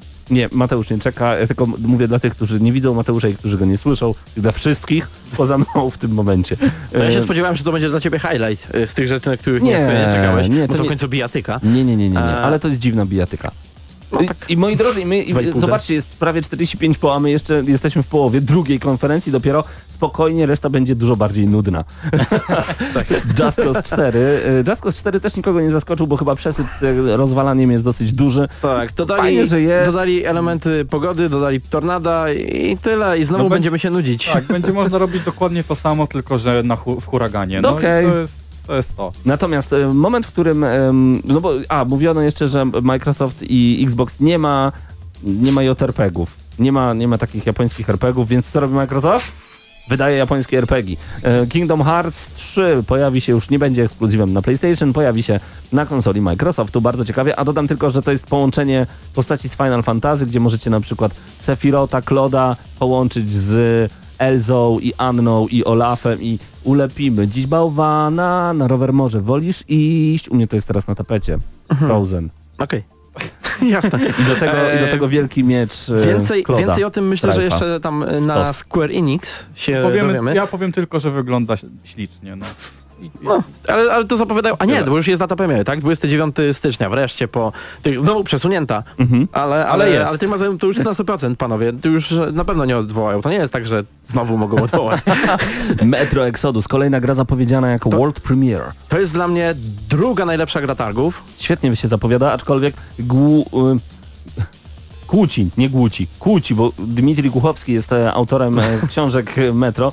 Kłóci mi się z e, tym uniwersum, gdzie naboje są e, tak naprawdę również walutą, a tutaj mieliśmy pokazany taki shooter trochę bardziej rasowy. Wiesz co, Nie nie, nie takiego jestem. W każdej, w każdej odsłonie pokazywali w zwiastunach trochę strzelania, y, całkiem sporo strzelania, takie natomiast ta gra jest, tak, ta gra jest jednak taka, że jesteśmy zawsze na granicy tego mm, nieposiadania w ogóle amunicji, musimy wszystko, wszystkiego oszczędzać, jakoś pilnować się. Jedyna moja obawa co do tej gry, bo ona no, wyglądała jak, jak Tomek to Exodus na swoich pokazach, czyli gameplay był taki może trochę podrasowany, ale był, y, wyglądała prześlicznie, miała klimat niesamowity, y, lokacje cudowne, ale obawiam się troszeczkę, żeby to nie był pełny, otwarty świat. Ojej. E, mam nadzieję, że to jest w hubach, takich jak Dokładnie, Stalker no, troszeczkę. Właśnie to tak trochę wyglądało, jakby to były huby i się bardzo ucieszyłem, no bo tam były te, te pomieszczenia nie były jakieś takie duże, wyglądały takie bardziej zamknięte, y, ogrodzone jakimiś drzewami, krzakami Jasne. i właśnie na to bym liczył, bo otwarty świat w tej grze nie wiem, czy byłby jakiś bardzo ciekawy. Znaczy strasznie zwolniłby tą rozgrywkę. Rozmyłby ją. Dokładnie. Jest, tylko powiem, że na przykład y, czekałem na Fallouta, jak zobaczyłem trailer na, na konferencji, bo był pokazany wcześniej, przed metro. Przed metro. No i jak pojawił się y, trailer metro, to przestałem czekać na Fallouta i zacząłem czekać na metro. A potem e, wszedł Nier Automata, czyli kolejny ekskluzyw z PlayStation, który przechodzi do Microsoftu. Nie jako ekskluzyw, po prostu będzie multiplatformą. E, super, bo ta gra cały czas nie traci na wartości i jest bardzo ciekawą produkcją, warto się z nią zapoznać. To jest jedna z najlepszych gier 2017 roku, tak naprawdę druga najlepsza. taka no, dziwna, ale tak to jest dla mnie. taka dziwna gra, że po prostu ciężko jest cokolwiek o niej opowiedzieć, musicie spróbować. I trzeba ją skończyć cztery razy. Nier Automata, zapamiętajcie to. E, Player Unknown's Battleground rozwój. No to mamy, mamy rozwój Sea of Thieves i PUBG, ale no to są po prostu jakieś plany, dodatki i tak dalej. Myślę, że możemy przejść A do... rozwojem, przepraszam, nie byłoby jest- to, że ta gra po prostu by działała na Tak, konsoli że, że wreszcie ją skończą, nie? Ale no to dlatego może, może nie mówmy o dokańczaniu Bo, gier. przepraszam, bo, Przejdźmy do bo dzisiaj ktoś zamknął mi szybko usta, bo ja mówiłem, że o, Xbox One X jest taki mocarny i w ogóle, bo ja zawsze mówię, pod, Mm. po, pod prąd, pod prąd z tym tematem. No tak, ale gdyby był tak mocarny, to PUBG mogłoby jakoś ładnie działać. Chyba deweloperzy nie, nie umieją w mocarność, no i rzeczywiście... PUBG, PUBG to w, nawet na Xboxie One X on działa jak, jak, jak PUBG, no. Jak to mawiają Japończycy, Sekiro, no tak. Shadows Die Twice. E, to nie... To było trochę zaskoczenie, ale par, od paru dni na Twitterze pojawiały się plotki, że e, From się pojawi na Microsoftie. From I, Software. I strzelaliśmy to przed streamem i rzeczywiście e, okazało się, że to się spełniło, tylko że też się tak, tak naprawdę chcieliśmy trochę tego, ale się nie spodziewaliśmy. I to wygląda, e, to jest, no, to jest nowa, nowa IP od e, Fromu. Spodziewaliśmy się bardziej, że odświeżą jakąś swoją starą serię, na przykład Tenchu. Tymczasem, no to mamy taką, mm, nie chciałbym powiedzieć, ale y, czy to tak dokładnie będzie, ale taka konkurencja wobec Ghost of Tsushima może? E, też klimaty takie mocno y, japońskie, chociaż tutaj dużo więcej takiej fantastyki w tym wszystkim. Um, Takim niochem trochę też zalatywało. Tak, to, Nioh. y, historia zatoczyła koło. Nioh, Niech dwa. Nioh zalatywał solcami, Tak. solsy zalatywały teraz, Niochem. znaczy solsy, Souls-like'i. tak. E, ale my dziwnymi słowami dzisiaj mówimy na antenie Radio Free. E, chcemy złożyć serdeczne życzenia z okazji urodzin Doniowi, naszemu słuchaczowi, wieloletniemu słuchaczowi, którego bardzo serdecznie poz, e, po, pozdrawiamy. Wszystkiego dobrego z okazji urodzin Doniu. E, wiemy, że masz dzisiaj urodziny, więc specjalnie dla Ciebie będziemy mieli za chwilę utwór. E, ale to jeszcze nie koniec konferencji. Pozdrawiamy Cię bardzo gorąco. Zerkam na czat. Tutaj m.in. Jarosław Rygalik, pojawiła się gwiazda tegorocznego E3, czyli Adam Sojka, który mnóstwo rzeczy komentował. Jest Karol Kratos, który także podczas E3 był razem z nami. Tutaj jest naprawdę mnóstwo osób. Mateo 213, Filip Szczeswojcz. O, brz- dziwnie. E, wracamy do konferencji E3 w takim razie i dokładnie do Microsoftu. Po mm, Sekiro mamy jeszcze Tales of Vesperia Remaster, czyli gra, której, którą ciężko chyba dostać na PS3, a wychodzi remaster na Xbox One, fajnie. Więcej japońskich rzeczy na Xboxa. The. Awesome Adventures of Captain Spirit, y, czyli taki darmowy dodatek do Life is Strange o chłopcu, który ma marzenia i o chłopcu, o, o, za, o zabawie tak naprawdę, czyli że jak mamy kawałek kamienia, to potrafimy go zamienić w śmiercionośną broń biologiczną, jak mamy kawałek kartki, to to jest dla nas niesamowity odrzutowiec. Trochę jak South Park, y, kijek prawdy, Troszkę, tylko tak. bez, y, bez y, tego humoru dookoła, ale klimat y, dla moim zdaniem był rewelacyjny, w sensie to była taka fajna, ścielankowa gierka, szczególnie, że ona jest chyba za darmo, tak? I już jest dostępna dla... Mi się, mi się bardzo podobało Ona nie jest za to, darmo? to zakończenie, jak był Eee, ten tytuł i pod tytułem, jest za darmo. Jest za pod tytułem było napisane 100% free. O właśnie. To, to było świetne. Jesteśmy w tych czasach, kiedy trzeba dodawać 100% przed free. Nie jakieś 50, 60, tylko 100%. The Division 2 także pojawiło się na konferencji Microsoftu i drodzy Państwo... mm, Ale o tym to chyba na Ubisoftie też można powiedzieć, tak? To O, naprawdę, dobra. bo, chociaż tu był gameplay, a na Ubisoftie trochę mniej. Rzeczywiście. E, E, o We Happy Few Happy Few także, coś już wspominaliśmy, także już więc wspominaliśmy. przechodzimy do deserku. E, to znaczy, no właśnie, deserek nagle... Czy ty chcesz w ogóle o deserku porozmawiać jako oddzielnie? Już w tym momencie leci muzyka z tego deserku, mój drogi, także nie można... Dobra. E, Tak, nie można musztardy przed obiadem. E, moi drodzy, skakowano konferencję Microsoftu. Notabene to był świetny pomysł, ponieważ w tych literkach, które nagle się pojawiły, rozdano ileś tam dziesiąt kopii Wiedźmina 3 w wersji Game of the Year Edition, Mm, a także zawarto specjalną wiadomość od CD Projekt Red, od naszego warszawskiego CDP-u e, odnośnie nadchodzącego Cyberpunk 2077. Pierwszy trailer został pokazany. Został hurra optymistycznie odebrany przez cały świat poza giełdą, bo giełda rymsnęła. Bo giełda słucha za dużo Twittera, bo, na, bo tam się z kolei pojawiło sporo osób, które generalnie nie mają żadnego pojęcia o tym, czym jest cyberpunk. No tak, czyli teraz E, jest czas na, kup- na kupowanie akcji chyba. Czy już poszło w górę? Ech, już powoli wraca, ale to, to wiecie, to, to nie była wielka, to nie była jakaś niesamowita stata, ale dobra, może odejdźmy od giełdy, wróćmy do tego, co zobaczyliśmy i do tego, co zobaczymy. Mm, zobaczyliśmy świat oddany prawie idealnie z tego, e, plansz, znaczy to nie jest planszówkowy, to jest, to jest taki RPG, tak? E, papier, papierko, papierowy, tak? E, wszyscy udajemy swoje postaci i tak dalej. E, to idealnie oddaje klimat tego RPG. Pokazuje miasto za dnia, w nocy, no bo to jest Kalifornia, tam generalnie jest słońce. E, po- Powiem tylko, że Paweł pije tutaj do największego e, zarzutu wobec tego trailera. Wszyscy spodziewali się, że będzie ciemno, neonowo, smutno, e, tak jak I było deszczowo. w rezerwowych psach. Chłodno, głodno i Ale wiecie co? Tak było. Mm, Były ujęcia przecież, które pokazywały miasto nocą. Były dokładnie w tym klimacie, którego ludzie oczekują. Przy czym było też trochę innego klimatu. Tego, wiecie, w cyberpunku nie chodzi o noc, deszcz, neony. W cyberpunku chodzi o wysoką technologię i niskie życie. Niski poziom życia. I to było. Było jakby to mm, ta różnica pomiędzy nimi widoczna, tak? Jak sobie stały koło siebie. E, znaczy widzieliśmy, widzieliśmy te przykłady, tak? Y, Technologii wśród takiej biedoty, brudu. I o to, o to chodzi w cyberpunku. I znowu podoba mi się, że CD Projekt Red po raz kolejny, tak jak robił zawsze z Wiedźminami, nie robi bezpiecznego bezpiecznej następnej gry, tak? Każdy kolejny Wiedźmin był super inny od poprzedniego. W ogóle zupełnie inną grą był No praktycznie. przeskok był strasznie duży między Tak. jedynką a dwójką. No, I teraz cały robią system walki. cyber, no. Cyberpunka też robią coś, czego nikt się tak naprawdę nie spodziewał w tym, w, tym, yy, w kwestii tej gry i z tego co y, słyszeliśmy dzisiaj jest, y, dzisiaj albo jutro jest pokaz za zamkniętymi drzwiami, ale na Twitterze CD, mm, znaczy nie CD Projekt, tylko Cyberpunk zaczął y, teasować, że być może jeszcze rzeczywiście zobaczymy coś z tego pokazu, tak Wow. fizycznie. I to może być ten gameplay, bo tego jeszcze mi tylko brakuje do szczęścia, żeby zobaczyć właściwie jaka jest ta gra. Dokładnie, Mateusz bo- Zanowicz mówi, że potwierdzili, że to jest FPS. Więc e, no to ciekawe, że, że widzimy. No tak, znaczy to jest RPG, ale z wielkiem z pierwszej osoby, tak? I będziemy mieli jeżdżenie samochodami. O! Zapowiada się naprawdę nieźle. Świat, e, jak to w przypadku CD Projektu Red, będzie kompletny i oni naprawdę zwracają uwagę na najmniejsze szczegóły. I to mi się na przykład w Wiedźminie 3 podobało, że tam nawet najmniejsza misja poboczna dawała naprawdę dużo frajdy, bo to nie było przynieść, podaj, pozamiataj, tylko to było przynieś, podaj, a następnie zamieć za sobą za liczby, bo ta historia jest naprawdę dobrze opowiedziana i to mi się podoba. I zresztą no wiemy, wiemy jak, jaki jest CD Projekt. W Wiedźminie przy drogach leżały kamienie, które pasowały do form skalnych, które były obok, więc oni mają, wiecie, takie podejście do, do szczegółów gier. No, dla mnie najbardziej ekscytująca mnie gra targów, szczególnie jak zobaczymy jakiś jeszcze gameplay. E, I myślę, że na tym możemy skończyć, no- więc pod, chyba... No, chciałem tylko jeszcze Tak. powiedzieć, jakie ja miałem odczucie do tego trailera. No, on był super, on był super, tylko jak już go obejrzeliśmy chyba trzeci czy tam czwarty raz, Chyba Poznałem 28. to zdałem sobie... Nie, po czwartym już się zorientowałem. zorientowałem się, że no, to jest... Tam nic nie ma tak naprawdę. Jest pokazany tylko ten ładny świat, ale nie wiemy co to, co to jest za gra, tak? Że to tam będzie. Nic nie wiemy. Teraz, Wiesz, ale wiesz, pokazali, po pokazali klasy między innymi, bo widzimy w tej, widzimy w tym zwiastunie y, dla takich jakby czujnych oczu y, klasy powiedzmy z RPG. Problem jest chyba taki, bo jest z tym zwiastunem pewien problem, on bardzo dużo pokazuje i on jest bardzo szybki. I jego trzeba obejrzeć parę razy, żeby jakby to wszystko wchłonąć, bo nie, nie zawsze wyłapiemy to wszystko, co się dookoła dzieje. My mamy już tak naprawdę 7 minut do godziny 22. Normalnie o tej porze kończymy audycję Gramy na Maxa. Jesteśmy dopiero pod koniec drugiej konferencji. Konferencji było 6.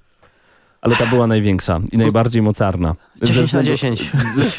Nie no, ze względu, to nie o to chodzi, że Microsoft Wow jest najlepszy i wygrywa, etc. To chodzi o to, że to prostu- był najlepszy show, jaki widziałem w tym roku na E E3. Zdecydowanie i przede wszystkim Microsoft pokazał, pokazał to na co czekaliśmy, czyli czekaliśmy na show, czekaliśmy na przyszłość, czekaliśmy na roz, rozbudzenie naszych marzeń. Wspomnieli o Xboxie nowym, Dokładnie, że coś tam majstrują już przy nowym powiedzieli, Xboxie. że będziemy mogli zagrać nasz console experience, doświadczenie konsolowe na dowolne urządzenie, i, ale to jeszcze kiedyś i, i to jeszcze spokojnie.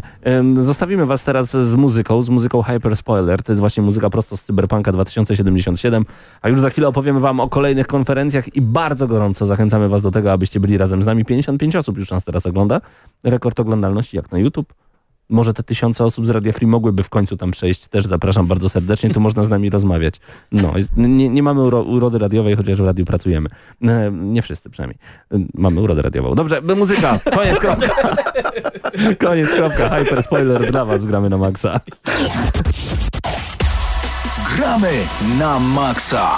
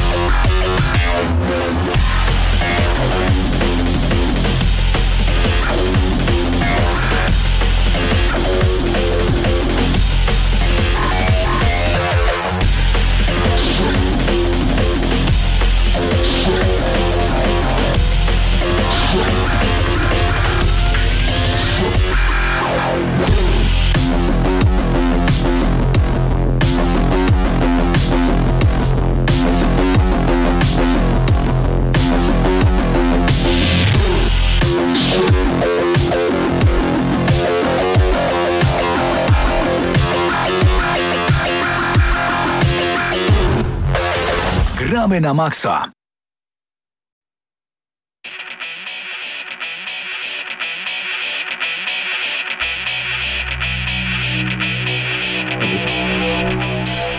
Jak to siepie, jak to leciało, to był Hyper, to był utwór, który był w zwiastunie... Co to jest tak głośno na tych słuchawkach, Paweł? Już jest ciszej, dobrze. To był utwór, który był oczywiście w zwiastunie Cyberpunka 2077 i teraz w tym momencie zameldowała się nas z powrotem trójka, żeby przegadać kolejną konferencję, e, która jest konferencją Bethesdy. W tym momencie po mojej lewej stronie Paweł Stachyra, Mateusz Danowicz, ja jestem Hubert Pomykała i Bethesda to jest konferencja, która zaczęła się bardzo nietypowo, bo zaczęła się od koncertu artysty znanego jako Andrew WK i on będzie grał swoją drogą w Polsce bodajże jeszcze w czerwcu. Także jeśli będziecie chcieli obejrzeć w jakimś stopniu gościa, który grał na konferencji Bethesdy koncert, to będziecie mieli do tego jeszcze w tym miesiącu e, okazję w naszym kraju, bodajże w Warszawie będzie to występował. I tutaj pojawiło się pierwsze rozczarowanie z naszej strony, bo i zarówno ja, jak Mateusz Zanowicz mieliśmy nadzieję, że to może będzie Mig Gordon, czyli w tym momencie nadworny twórca muzyki do FPS-ów e, Bethesdy, to jest twórca muzyki do Duma i twórca muzyki do Preya.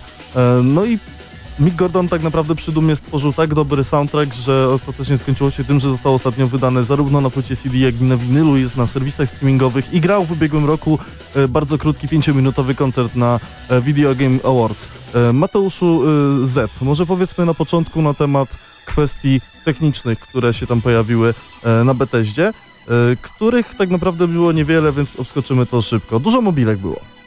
Dużo mobilek było przede wszystkim e, dla fanów e, The Elder Scrolls. Okazuje się, że no powiedzmy od razu, The Elder Scrolls 6 podobno powstaje, chociaż nie sądzę, że zaczęli w ogóle nad tym pracować. Jedna mobilka. Ale w każdym razie, znaczy, mówi, mówi, mówili jeszcze o grze mobilnej tej karciance swojej, która też jest Okej. na platformach mobilnych, więc, więc pasuje. Natomiast tą mobilką jest The Elder Scrolls Blades. I to jest całkiem w sumie ambitny projekt jak na telefony e, i, i tablety, bo e, to jest w sumie takie prawie The Elder Scrolls normalne, gdzie mamy wyprawy do dungeonów i walkę i mamy swoje miasto, które jakoś tam mamy rozbudowywać i crafting, jakieś tam inne elementy i nawet PvP. I możemy grać w trybie horyzontalnym, czyli Todd Howard mówi, że jak siedzimy sobie w pracy, to możemy udawać, że czytamy maila czy coś i jednocześnie grać. Więc e, ciekawa sprawa. Todd Howard, e, jeżeli mogę sobie chwilę tutaj pozwolić, moim zdaniem e, przyjął na siebie już teraz na ten moment wszystkie memy i stał się najlepszym prowadzącym na E3. On po prostu... To prawda. Potra- on tak zmienił tą, tą e, konferencję, która poza grami, które były pokazywane ok, nie podobała mi się jakby, wiecie, organizacyjnie, a potem przyszedł Todd, pozamiatał. No ale e, jeżeli chodzi o tą mobilkę, to, to rzeczywiście to wygląda jak takie okrojone troszeczkę z, powiedzmy, z eksploracji głównie, tak naprawdę, e, ale jednocześnie... Troszeczkę, troszeczkę od mikrofonu, bo przester nam leci. Okej. E, To jest takie troszeczkę mm, okrojone powiedzmy z eksploracji, ale za to ma wszystkie te elementy, które w, w grze były. To znaczy mamy, mamy e, dużo sprzętu, mamy e, rozwój postaci. e, Walki, walki, walki wyglądają dużo ciekawiej niż w dużych Elder Scrollsach. E, To nie jest trudne w sumie. to nie jest trudne, ale, ale no, no wyglądają. Mo mogli to zrobić bardzo na, na jakby to, bez starania się. A, widać, że jednak coś w tą mobilkę poszło i no wyczuli po Falloutie pewnie Sh- Shelter, że y, mobilki mogą jakoś tam się Bethesdzie przydać, szczególnie, że jak powiedział Todd Howard, Fallout Shelter był najlepiej pobieraną grą e, w historii e, wszystkich gier, które wydał kiedykolwiek, wydała kiedykolwiek Bethesda, tak? I przy okazji w tym momencie zadebiutował na Nintendo Switch. Tak jest, na dodatkowej platformie, więc e, I na, chyba na konsolach też. na konsolach już był wcześniej, wydaje mi się. Mhm. Na Switchu A nie ogłaszali też, że na PS4? A można PS4 Możliwe, tak. że tak. Tak. To jest taka gra, która... To jest samograj troszeczkę, nie jednak. Tak, to jest samograj, którym tworzymy po prostu y, jakieś tam komnaty naszej y, krypty i to jest to jest gra, która została zapowiedziana dwa lata temu bodajże hasłem It Just, It Just Works i to też jest cytat z Toda Howarda. E, tutaj bardzo duże zasługi właśnie dla prowadzącego, ponieważ zdecydowanie był najbardziej wyluzowanym prowadzącym ze wszystkich, był pewny siebie stojąc na tej scenie, był spokojny, od początku do końca planował, panował nad sytuacją i przy okazji właśnie to już, już takie trochę gwiazdorskie zagranie to było. Ja jestem Todd Howard, ja tutaj prowadzę konferencję Bethesdy i dam sobie z tym radę. I rzeczywiście dam sobie radę. E, Poza tym, e, jeśli chodzi o tę konferencję, tak, tak naprawdę pojawiło się dużo gier. E, Niektóre pokazane były, tak naprawdę większość była pokazana z punktu widzenia tylko i wyłącznie zwiastunu, czyli coś, co dopiero przed nami będzie się tam pojawiało. Natomiast zobaczyliśmy też grę, która rzeczywiście bardzo dużo osób zastanawiała i zobaczyliśmy tak naprawdę dużo, bo zobaczyliśmy gameplay, jak to będzie wyglądało. Mowa tutaj oczywiście o Falloutie 76 Ja nie jestem jakimś tam fanatykiem Fallouta, więc dam najpierw kolegom głos. No to co, Fallout 76, wreszcie dowiedzieliśmy się po tych spekulacjach co to jest. No rzeczywiście gra e, wieloosobowa, przede wszystkim wieloosobowa, bo podobno można w nią pograć solo, ale też będziemy online, tak, na, na serwerach. Mm, I tak jak, e, jak się oczek- oczekiwaliśmy, to będzie gra o odbudowywaniu jakby e, świata po, po wojnie atomowej, ale zaskoczeniem było to, że ta gra jest 4, według e, Toda Howarda 4 razy większa niż, niż e, Fallout 4. Generalnie zaskakuje mnie, że jest w większej skali, tak? Myślałem, że to będzie taki boczny projekt, taki, mm, taki jakby spin-off e, przed piątką, tak? No tak, rozumiem. Roz- I to, to fajne to jest też to, że wbrew plotkom to nie jest po prostu Rust. klon Rust czy jakiegoś Daisy, tylko naprawdę to, I to wygląda jak normalny... Royale. Tak, to wygląda jak normalny Fallout. Mnie bardzo cieszy to, że jak wydaje mi się, że mniej użyli asetów z Fallouta 4 niż po przejściu z trójki do czwórki. Jakby są, no, są nowi przeciwnicy, A. których nigdy nie było w tych To grach. znaczy asetów, no no tak, tak chodzi, mi, chodzi mi już o przeciwników, tak, bo to jest, to lokacje. jest trochę po- podrasowany zdaje się ten silnik, który mieliśmy No dotychczas. tak, to na pewno. Ale, ale tak, nowi przeciwnicy. E, widać, że w e, tym Fallout 76 jest taki nacisk na, na ciekawe potwory. Tak, że, że może to się działo sporo. wcześniej, więc jeszcze więcej zwierząt było tak świeżo po zmutowaniu, zanim wymarły w tych nowszych Falloutach. Między innymi Pewnie- leniwce. Tak, Dużo leniwce zmutowane. inspirowane są, generalnie dużo potworów jest inspirowanych em, takimi mm, legendami miejskimi i folklorem z, z, z Virginii i w ogóle z północnego wschodu Stanów Zjednoczonych, ale co tam e, było jeszcze mm, ciekawe, to Tam to, był że ogromny, w jest ogóle tam był ogromny lasów. leniwiec stary. Tak, leniwiec z grzybami na plecach. Tak. Ale, ale co mnie zadziwiło, to że było tak zielono i tyle lasów, bo to jest teoretycznie 25 lat po spadku bomb. No ale wiesz, może, może tak to wygląda w prawdziwym życiu, nie wiemy, prawda? Zobaczymy może kiedyś. O, obyśmy, Ale- obyśmy nie widzieli. Warto też powiedzieć, że to będzie gra, w której normalnie właśnie będą misje, czyli będzie można grać samemu i też jedną z aktywności będzie e, możliwość przejęcia, jak się nazywa po polsku? Em, Możliwość przejęcia? nie, nie fabryka, tylko tam, gdzie skąd E, wystrzeliwujemy... A, silosu, silosu atomowego. Tak, silosów atomowych. Jeżeli przyjmiemy taki silos, będzie można wystrzelić atomówkę na jakąś wskazaną lokację na mapie. I zniszczyć prawdopodobnie... Zniszczyć czyjąś bazę na przykład, więc to jest bardzo fajna rzecz taka. I też y, przynajmniej tak, tak wynikało ze zwiastunów, że to nie będzie gra, w której non-stop będziemy widzieć innych graczy, e, tylko to będzie raczej takie, wydaje mi się, Bardziej kooperacyjne niż Tak, PvP. tak, tak. I to też mnie cieszy, że to nie będzie po prostu właśnie Battle Royale, jak też niektórzy podejrzewali. Ale z drugiej strony, jeśli chodzi o Fallout 76, to na początku pojawiały się porównania do takiej gry jak Rust i y, biorąc pod uwagę to, że to co zobaczyliśmy, to głównie kilkuosobowe drużyny, które zbliżają się z misjami i pokonują wspólnie przeciwników. Również ciekawym rozwiązaniem będzie właśnie nap- napotykanie innych grup graczy, ponieważ nie ma w zasadzie chyba lepszych realiów niż realia postapokaliptyczne albo po wybuchu czegoś, gdzie ludność jest przetrzebiona i musi stanąć z powrotem na nogi. Tylko żeby to się właśnie nie skończyło tak jak w Raście, że będziemy w tym momencie walczyć z innymi ludźmi, którzy automatycznie ukradną nam wszystko, Nie, co wydaje mi się, mamy. że nie, bo, bo Rust i te gry, te gry typu Rust mają to do siebie, że tam nie ma co robić tak naprawdę, więc Dobra. gracze się biją między sobą, bo nie mają co robić. I to jest sedno gier survivalowych dzisiejszych, niestety. A Fallout jednak tam mamy budowanie, chyba w dowolnym miejscu możemy budować, tak? Fallout 76. Tak, tym razem, tym razem Więc to jest system jest, dobre. do tego dostosowany, ale jeszcze co mnie mm, tutaj jakby przekonuje, że nawet gdyby to był, e, miało elementy takiego rasta, jeżeli chodzi o e, konstrukcję świata, to to jest e, coś, czego jeszcze nie widzieliśmy, czyli taki rast, ale wysokobudżetowy. Byłby w takiej, w takiej No sytuacji. właśnie. Bo za tym stoi duża firma z dużym budżetem, tak? I utalentowana ekipa, powiedzmy. I premiera jeszcze w tym roku, w listopadzie. Już niedługo, Tak jest. 14.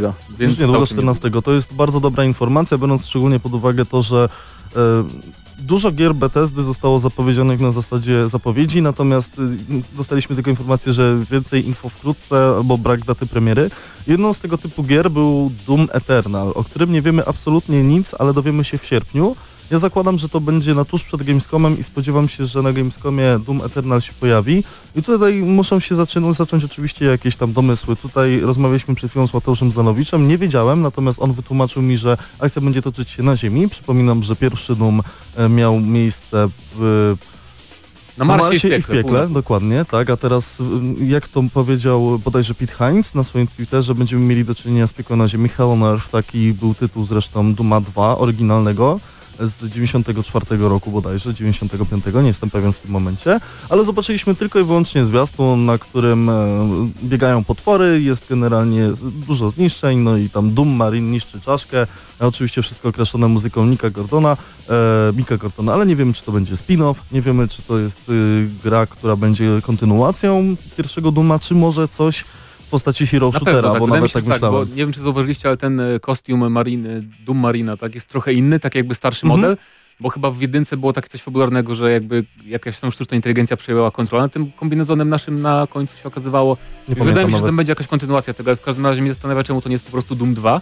Właśnie. I mi się tak wydaje, że tytuł Eternal sugeruje coś takiego wiecznego, co może być jakby stale rozwijane, więc może Usługę. generowane losowo, wiesz, generowane losowo lokacje na tej ziemi, co też by było, no nie wiem, trochę się boję, co z tego wyjdzie. Tak, też się boję. Ale mamy zobaczyć gameplay w sierpniu podobno, właśnie więc no, czekamy do sierpnia, bo Może to, może to nawiązuje do nieskończonych questów w grach Bethesdy, tych, tej Bethesdy Bethesdy.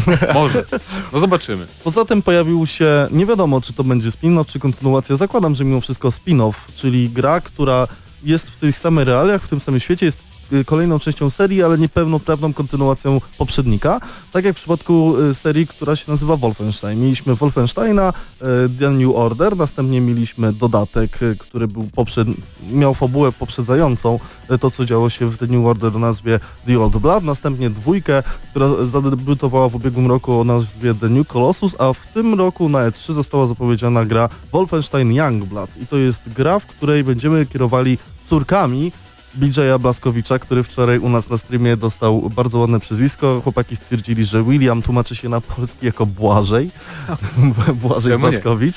E, Błażej będzie miał e, dwie córki, które w 1900, w latach 80. ubiegłego wieku, oczywiście fikcyjnych, opanowanych cały czas przez e, hitlerowców, e, terrorystów będą walczyć z, jako ruch oporu i zobaczyliśmy na tym zwiastunie Paryż, bo tam będzie się toczyła akcja gry, a także samochody marki BMW, no powiedzmy prawdopodobnie wzorowane na, na BMW, takie jakie spotykacie od czasu do czasu na jakichś tam festynach, e, stare modele, kanciaste. E, nie wiemy tak naprawdę nic za dużo, ponieważ widzieliśmy tylko zwiastun, gdzie właśnie głos BJ'a Blaskowicza przemawiał do, do córek, ale chyba czekamy na to wszyscy.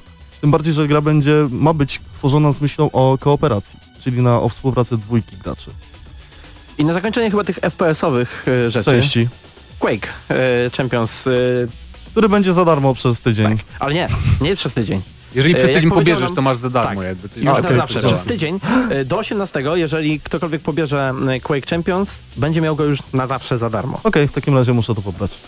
No warto. No ale jeszcze z FPS-ów przecież Rage 2, o którym nie powiedzieliśmy. A, Nic, a był gameplay, więc to też warto wspomnieć. Była Mi się, mi się gra. podoba. Ja pomilczę, bo oddam wam głos.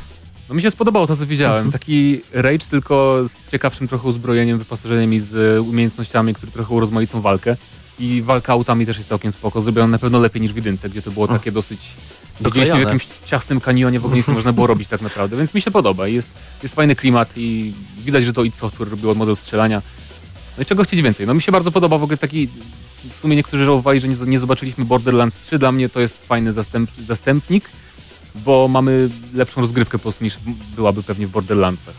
To niezaprzeczalnie, ale szczerze powiedziawszy właśnie mnie najbardziej nie porywa tutaj klimat, bo ta, ten gameplay, ta, ten pokaz wyglądał bardzo poprawnie, w sensie nie było Był za bardzo, bezpieczny. tak, nie było się czego przyczepić. To przyjemny, ładny, trochę szalony gameplay, tak jak się spodziewaliśmy po zwiastunach tych, e, które mm, pokazano niedawno dzięki Walmartowi.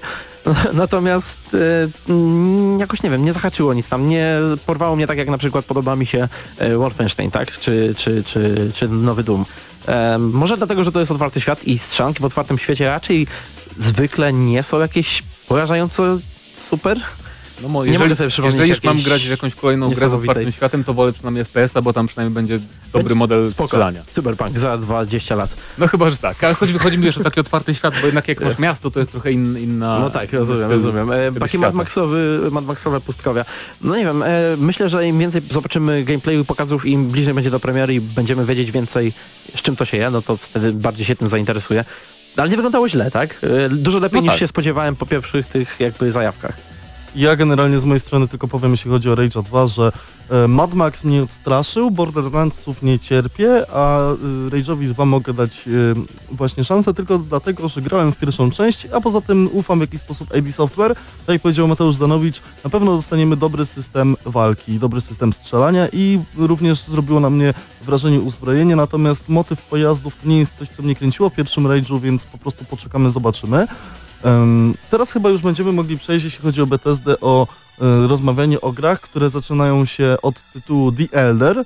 ale żeby przejść tak naprawdę do tego, co, co tam się pojawiło, e, na początku zobaczyliśmy bardzo dobry żart, e, Skyrim Very Special Edition, obejrzyjcie sobie to na YouTubie. Ja tylko ze swojej strony mogę powiedzieć, że wielokrotnie żartowaliśmy, że Skyrim niedługo okaże się na lodówki. Okazało się, że Bethesda ma dobre poczucie humoru i dystans do siebie i po prostu zrobiło zwiastun oparty o ten pomysł, e, bardzo krótką reklamę, ala reklamę z humorem. Serdecznie polecam sprawdzić. Ale to nie, to, nie, to nie był tylko żart, bo Skyrim naprawdę jest dostępny na Alexie. Jeżeli ktoś z Was ma, chociaż to tylko w Stanach działa, ale normalnie można sobie pobrać Skyrima i grać jakby w głosowego RPGa na, na Alexie. Jem, To jest, jem cały to ser. jest już bardzo takie meta. Tak. Ale tak, i jeżeli chodzi o tą konferencję, to tak naprawdę zostało tylko Starfield. E, Bo, tak, no i to The Elder No Scrolls więc 6. ale to- właściwie jedno i drugie tak naprawdę nie zostało i zostało, no bo, znaczy tak, mamy jeszcze The Elder Scrolls Online e, dodatek. Najpierw Ale on już jest dostępny, więc tak... No e, to właściwie najpierw tak, Starfield. możecie sobie go obadać, natomiast e, jeżeli chodzi o Starfielda i szóstkę Elder Scrollsów, tak e, ogólnie rzecz biorąc, one obydwie mm, nie były gotowe Nie, nie, do nie, po pokazania na kolei. TV3. Co to jest Starfield? To jest Nie, nowa nie, marka. Znaczy, nie wiemy co to ale, jest ale Starfield, Starfield jest o więc tyle ciekawy, że to jest pierwsza nowa marka Bethesdy Od wielu, e, wielu lat. Tak, no tak naprawdę od, od zawsze, od kontroli Elder Elder Scrollsy, to oni nie Mhm. robili innych gier tak naprawdę, tylko Fallouty, bo mówimy o studiu I Bethesda. Więc, zobaczyliśmy tylko napis. no i wiadomo, że to będzie z jakiś RPG, czy tam gra w kosmosie. kosmosie. I Mhm. tyle wiemy I tak tyle naprawdę, jeżeli chodzi o oficjalne informacje, a jeżeli chodzi o The Elder Scrolls 6, no to, to też znamy tylko tytuł, nie znamy nawet lokacji, Tak, bo, bo pokazali akurat tak e, wyjątkowo neutralną... To może e, być Hammerfall na tak, przykład, e, a to może Hammerfall, być... Tak, bo to wszyscy się spodziewają, że Ludzie to będzie albo Hammerfall, albo. Somerset, tak jak tutaj, czyli, czyli generalnie na zachód od Skyrim. Widzicie, trzy osoby podały różne miejsca i każdy powiedział No bo co widzimy innego. góry, jakieś kawałek morza Ja, ja i... czytałem o, o High Rock, wy mówicie o Summerfall, a to równie dobrze może być nic, nie? Bo tam, tam były jakieś górki i napis The Elder Scrolls 6. To, że ta gra powstanie prędzej czy później wiemy wszyscy, ale No to... i też warto zaznaczyć, że obydwie te gry, czyli Starfield i The Elder Scrolls 6 będą dopiero na next genach, kiedy ukażą się Tak, nowe tak. konsole. Szóstka więc... nie jest jeszcze w produkcji do zakład, w sensie może jakaś bardzo, bardzo wczesna preprodukcja, ale ale Podobno nad Starfield jest grywalny. Todd powiedział, że Starfield Tak? jest grywalny w jakiejś Okej. tam To, formie. cie, to ciekawe już, bo możemy zobaczyć pewnie niedługo jakiś gameplay. Prawdopodobnie za zamkniętymi drzwiami komuś pokażą. I Mm, nawet nie sądzę, myślę, że to jest taki, Nie? wiesz, net bez tekstur gameplay ludziki szare, ale chodzi mi o to, że, chodzi mi o to, że najpierw Czym to się wyjdzie, od ich pełnych wersji? najpierw wyjdzie Starfield, a potem dopiero wyjdzie The Elder Scrolls nie, nie, 6. to jasne, że Starfield, y, bo oni już wspominali, że o tym pracują od dawna, tak? Mówię, dlatego Elder Scrollsy to jest raczej coś, co będzie za parę lat, ale tak czy inaczej obydwie te e, zapowiedzi to jest coś jak rok temu Metroid Prime, tak? To jest takie, No tak. chcemy zakończyć wysoką notą, a nie chcemy zakończyć mobilką e, konferencji, to klepniemy sobie e, dwa duże tytuły, żeby się pokazały i tyle. To by było na tyle, jeżeli chodzi o Bethesdę tak naprawdę. Cztery gry łącznie z tytułem The Elder Scrolls. Przypomnijmy, to była mobilka o nazwie The Elder Scrolls Blades. The Elder Scrolls Online Somerset to jest dodatek do gry multiplayerowej MMO. Poza tym The Elder Scrolls e, yy, 6 zapowiedziane. Czyli 3. I na Alexę. tak, i jeszcze chyba, że wersja na też Alexa Skyrim Very Special Edition. I na tym kończymy konferencję Bethesdy. Tutaj Bardzo proszę teraz konferencja, Paweł Typiak. solidna. jest Mi się przede potrzebny. wszystkim podobało A, właśnie- to, że, że na tej konferencji jakby pokazali bardzo dużo gameplayu i wiemy czym jest ten Fallout. Taka prezentacja mi się podobała. Rozmawialiśmy z Mateuszem Zdanowiczem, że personalnie to jednak chyba uważam jako fan, fan Sony, że konferencja Bethesdy była drugą najlepszą konferencją na tegorocznym E3 i podobała mi się nawet bardziej niż konferencja Sony. Oczywiście ma, personalnie Zgadzam najbardziej się. podobał mi się Microsoft. Na końcu zrobimy jakiś ranking, żeby wszystkich wkurzyć.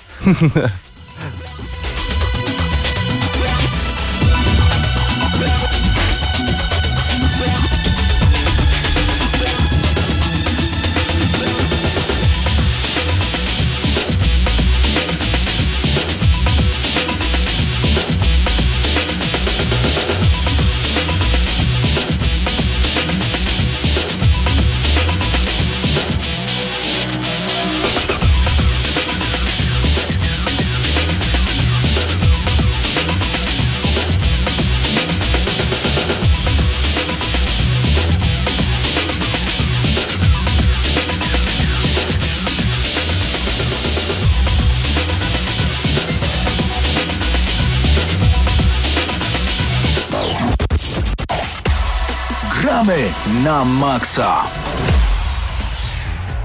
Naturalne jest to, że słuchacie cały czas audycji Gramy na Maxa nadawanej prosto z serca Lublina z Radia Free. Jesteście razem z nami w tym momencie także na YouTubie. Tam nadajemy oczywiście wersję wideo na żywo i opowiadamy o targach E3, ponieważ Electronic Entertainment Expo to takie nasze Boże Narodzenie. My wtedy czujemy się jakbyśmy mieli również urodziny w ten sam dzień. No pięknie, po prostu Bardzo nas cieszy to, że są pokazywane nowe gry, przyszłość branży gier wideo, no i przede wszystkim tytuły, które kiedyś zagramy, albo kiedyś być może zagramy, bo wszystko zależy od tego, czy w końcu się pojawią. Square Enix to duża firma, która pokazała kilka tytułów. Panowie, widzieliście tę konferencję, jak wasze wrażenia? Jedna tylko gra warta w ogóle zainteresowania. No to już jak możesz, dla mnie, możesz już w czyli tym momencie nic nie A mówić. Mateusz Filip jest razem możesz z nami. dać, dać Tak, do, jasne. do słowa. Y, The Quiet Man. Gra, która nie została nigdzie zapowiedziana, tylko właśnie na konferencji Square Enix, czyli e, mieliśmy chłopaka, chyba który jest niemową, e, który zaatakował dwóch jakichś tam nie wiem, gangsterów, złoczyńców. Mhm. E, popisywał się strasznie, ale no oczywiście ich pokonał i na tym się skończył cały zwiastun. E, no ale to była chyba jedna taka z najbardziej intrygujących e, zapowiedzi na tej e, konferencji. Że nie wiadomo tak naprawdę o co chodzi. I nigdzie nie zostało to pokazane, bo większość tych tytułów, które były na Square Enix pojawiło się albo to na Microsoftie, albo też i na, na Sony. Pokazano także Shadow of the Tomb Raider. Nie ukrywam, czekam aczkolwiek po... em, bo ja jestem z tych, który wolał jedynkę, w sensie Tomb Raidera od e, te- te- tego drugiego, który był potem, po remasterze. Zapomniałem jak się nazywa. Rise of the Tomb Raider. Rise of the Tomb Raider, tak jest. Wolałem jedynkę, była dla mnie troszeczkę lepsza, e, ale to mówię zawsze pod prąd. Natomiast tak, Shadow of the Tomb Raider zapowiada się naprawdę na bardzo ciekawy gameplay, bardzo ciekawy Dobra tytuł. gra po prostu. Po prostu. To Nihilinowi. Nie spodziewam się niczego więcej. Octopath Traveler To jest e, JRPG na Nintendo Switch. Pojawiło się na ten temat trochę więcej... to ekskluzyw, o ile dobrze pamiętam. Tak, pojawiło się na ten temat trochę więcej już na konferencji Nintendo Direct. Dzisiaj, od dzisiaj dostępne jest drugie demo i w zasadzie tylko tyle na ten temat mówmy, bo już dużo wiadomo na, na temat tej gry, a mamy jeszcze trochę do przeskoczenia. Było o Nier Automacie, było Just Cause 4, a także Dragon Quest 11 Echoes of an Elusive Age. Dragon Quest to jest bardzo popularna seria, niestety nie w Polsce. Jedenasta część cyklu to jest e, JRPG, który powstaje w współpracy z Akirą Toriyamą dla przypomnienia albo poinformowania. To jest pan, który jest odpowiedzialny za styl graficzny Dragon Balla. I Dragon Age ma grafikę, która jest oparta, stworzona w współpracy z Akirą Toriyamą. E, Kolejna gra, zawsze to był e, ekskluzyw na, na konsolę Sony, w tym przypadku jest dostępna również na PC-ty. No i premiera już bardzo, bardzo niedługo, bo o ile się nie mylę w lipcu. Jak najbardziej. Dodajmy do tego jeszcze e, Przepraszam, we Babylon's, wrześniu, przepraszam. Babylon's Fall od Platinum Games. A, to była Oglądałem... też y, interesująca gra, ale tylko dlatego, że jest od Platinum Games, a ja I nic uwielbiam nie wiadomo te niestety na ten temat. No tak, sam trailer to jest... Był mega nudny ten trailer. Pokazywał po prostu jakąś historię, w sensie... em, linię czasu i w tym było to, w tym było to, w tym było to, w tym bogowie upadli, w tym ludzie upadli, w tym było Resurrection, w tym... Tyle, że na końcu pojawił się napis Platinum Games. I dzięki temu wiemy, że to może być slasher, a my lubimy slashery, bo lubimy, jak to się śpiewa, e, tako na fide, ciąć, ciąć, ciąć. strzelać. Jak w Tamagotchi. Tak, E, exactly. Tak jest. E, The Awesome Adventure of Captain Spirit ponownie się pojawiło. Było także Kingdom Hearts 3. E, Natomiast tutaj możemy powiedzieć troszeczkę więcej na temat samego Kingdom Hearts 3. Nie, powiedzmy Nie. trochę więcej na temat Kapitan Spirit, bo tam był wywiad z twórcami z Dontnod, Okej, że, dobra. że to jest e, historia chłopca w e, uniwersum Life of Strange i będziemy napotykać również postacie z Life of Strange. E, Life of Strange? Life is? Strange. Life is Strange, Jezus Maria, przepraszam, Mhm. to jest po prostu zmęczenie PS3, e, że to są postacie, które pojawiają się w drugim sezonie i że to jest gra, w której jest bardzo dużo ukryte rzeczy i musimy cały czas po prostu obserwować w e, Kapitan e, Spirit to, co się dzieje, żeby uzupełnić sobie historię z Life is Strange i bardzo duży e, plus jest taki, że gra jest całkowicie za darmo e, i będzie dostępna jeszcze w czerwcu. No, Tak fajnie. więc podsumowując, można powiedzieć, że dwa tytuły, które były nowe, niezapowiedziane, których Mhm. się Wszystko, nie spodziewaliśmy, wcześniej na a Microsoftie. reszta tak naprawdę to są kolejne e, odsłony Ale e, z drugiej strony serii. y, warto dodać, y, że konferencja trwała niecałe pół godziny i nie było żadnego prowadzącego. To był po prostu z- zbiór stanów jedno po drugim, więc nie dowiedzieliśmy się za dużo y, nowych rzeczy, ale przynajmniej można Super. było to obejrzeć i się nie zmęczyć. Przed nami jeszcze kilka konferencji, d- dwie i pół. Ubisoft, e, PC Gaming Show i...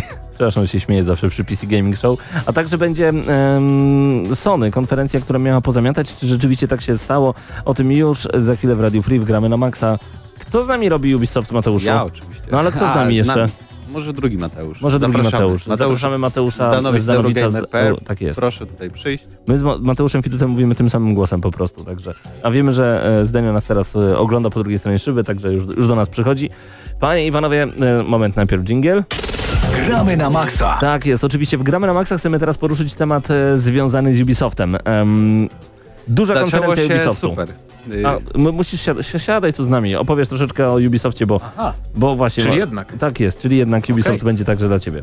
y, Zaczęło się od Just Dance 2019, No i ale to spoko. jest standard, jeśli chodzi o Ubisoft. Tak. W ogóle, zanim przejdziemy do gier, to wydaje mi się, że ta konferencja była najlepiej poprowadzona, naj, najfajniej się na niej w ogóle coś działo, mimo że te Taka tytuły to są takie, ale nie, te tytuły nie są takie, że Nie o rozumiem. Jezu, coś nowego, jakieś nowe IP czy coś, ale jak została poprowadzona, ile się rzeczy działo na scenie, Zgadzam się. jak Fajnie. zostało to wszystko wprowadzone, wyprowadzone, y, wydaje mi się, że Był to nawet była jedna z slapstickowy, slapstickowy żarcik z rozwaleniem sceny, no.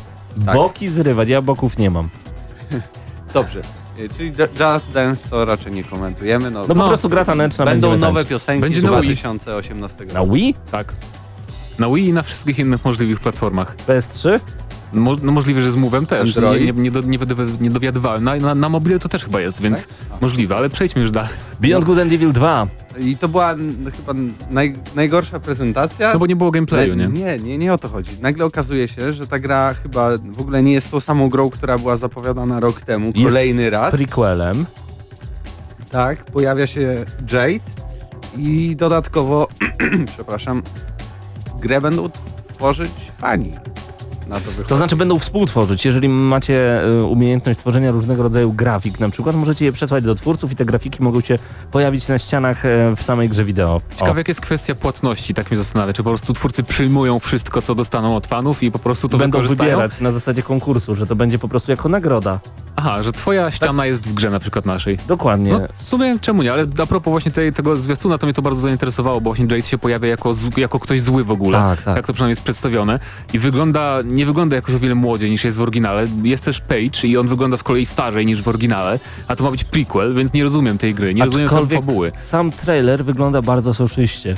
To prawda. Bardzo. Tak, podej- ale Ubisoft na razie wydał więcej pieniędzy na te zwiastuny niż na, e, podejrzewam, gameplay. bardzo Ale prawdopodobne. wygląda bardzo fajnie, tak, to E, prawda. to racja. No i nagle pojawia się Joseph Gordon-Levitt, e, który jest e, aktorem i w ogóle nie tylko on, bo także Znaczy, będzie... to akurat jest spoko, że oni nie wzięli po prostu jakiegoś aktora, żeby przyjść na scenę, tylko ten y, Levitt jest właścicielem firmy Hit Record, która właśnie będzie zarządzać tym przejmowaniem kontentu od fanów, nie? Że to nie jest po prostu Nieźle. tylko jakiś przypadkowy aktor. Nieźle, bo później pojawi się ten od Frodo, nie pamiętam. Elijah Wood. Elijah Wood, dziękuję. I on jest tam e, dyrektorem kreatywnym w jednej z gier. W ogóle o co chodzi? Kosmos to był. To mi się bardzo podobało.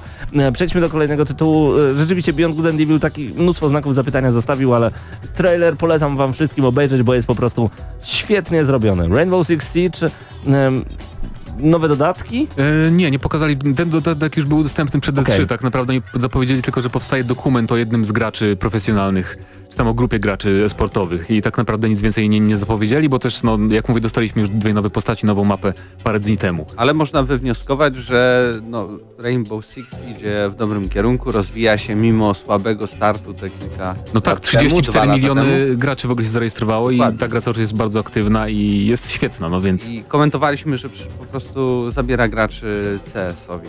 To prawda. CS umarł, niech żyje Siege. Tak można by podkreślić, jeżeli chodzi w ogóle o obecność e, Rainbow Six Siege na naszych konsolach i PC-tach. E, Trials Rising to gra, w której będziemy jeździć na motorze wyczynowym i będziemy mogli ginąć na tysiąc sposobów i ona jest taka arcade'owa, dziwna. Elastomania. Elastomania. Dziwna, zabawna, W koopie. w koopie, spoko. Ja nie jestem fanem Trialsów, No ale... tak, to już jest któraś z kolei część, więc to jest po prostu to samo, więc trudno się ekscytować, ale, ale jak okej, ktoś lubi, pewnie, to jak najbardziej, no. Oczywiście, że tak. Do tego mieliśmy także The Division 2, ale w szerszej edycji nie ukrywam, że mm, zacząłem się troszeczkę ekscytować, bo y, nie posiadam co prawda takiej liczby, takiej ekipy, może w ten sposób, która by ze mną zagrała w The Division, żebyśmy mieli to takie odczucie targów E3. Rozumiecie o co mi chodzi? Oni zawsze Tak, tak, pokazują, że będzie Ten czat głosowy i tak, tak, dalej. że będzie wszystko. 8 osób, że ty idź tu Mateusz, ty drugi Mateuszu idź z tamtej strony, o ciekawe co będzie z tamtej, uważajcie z tyłu, krzyczy Patryk.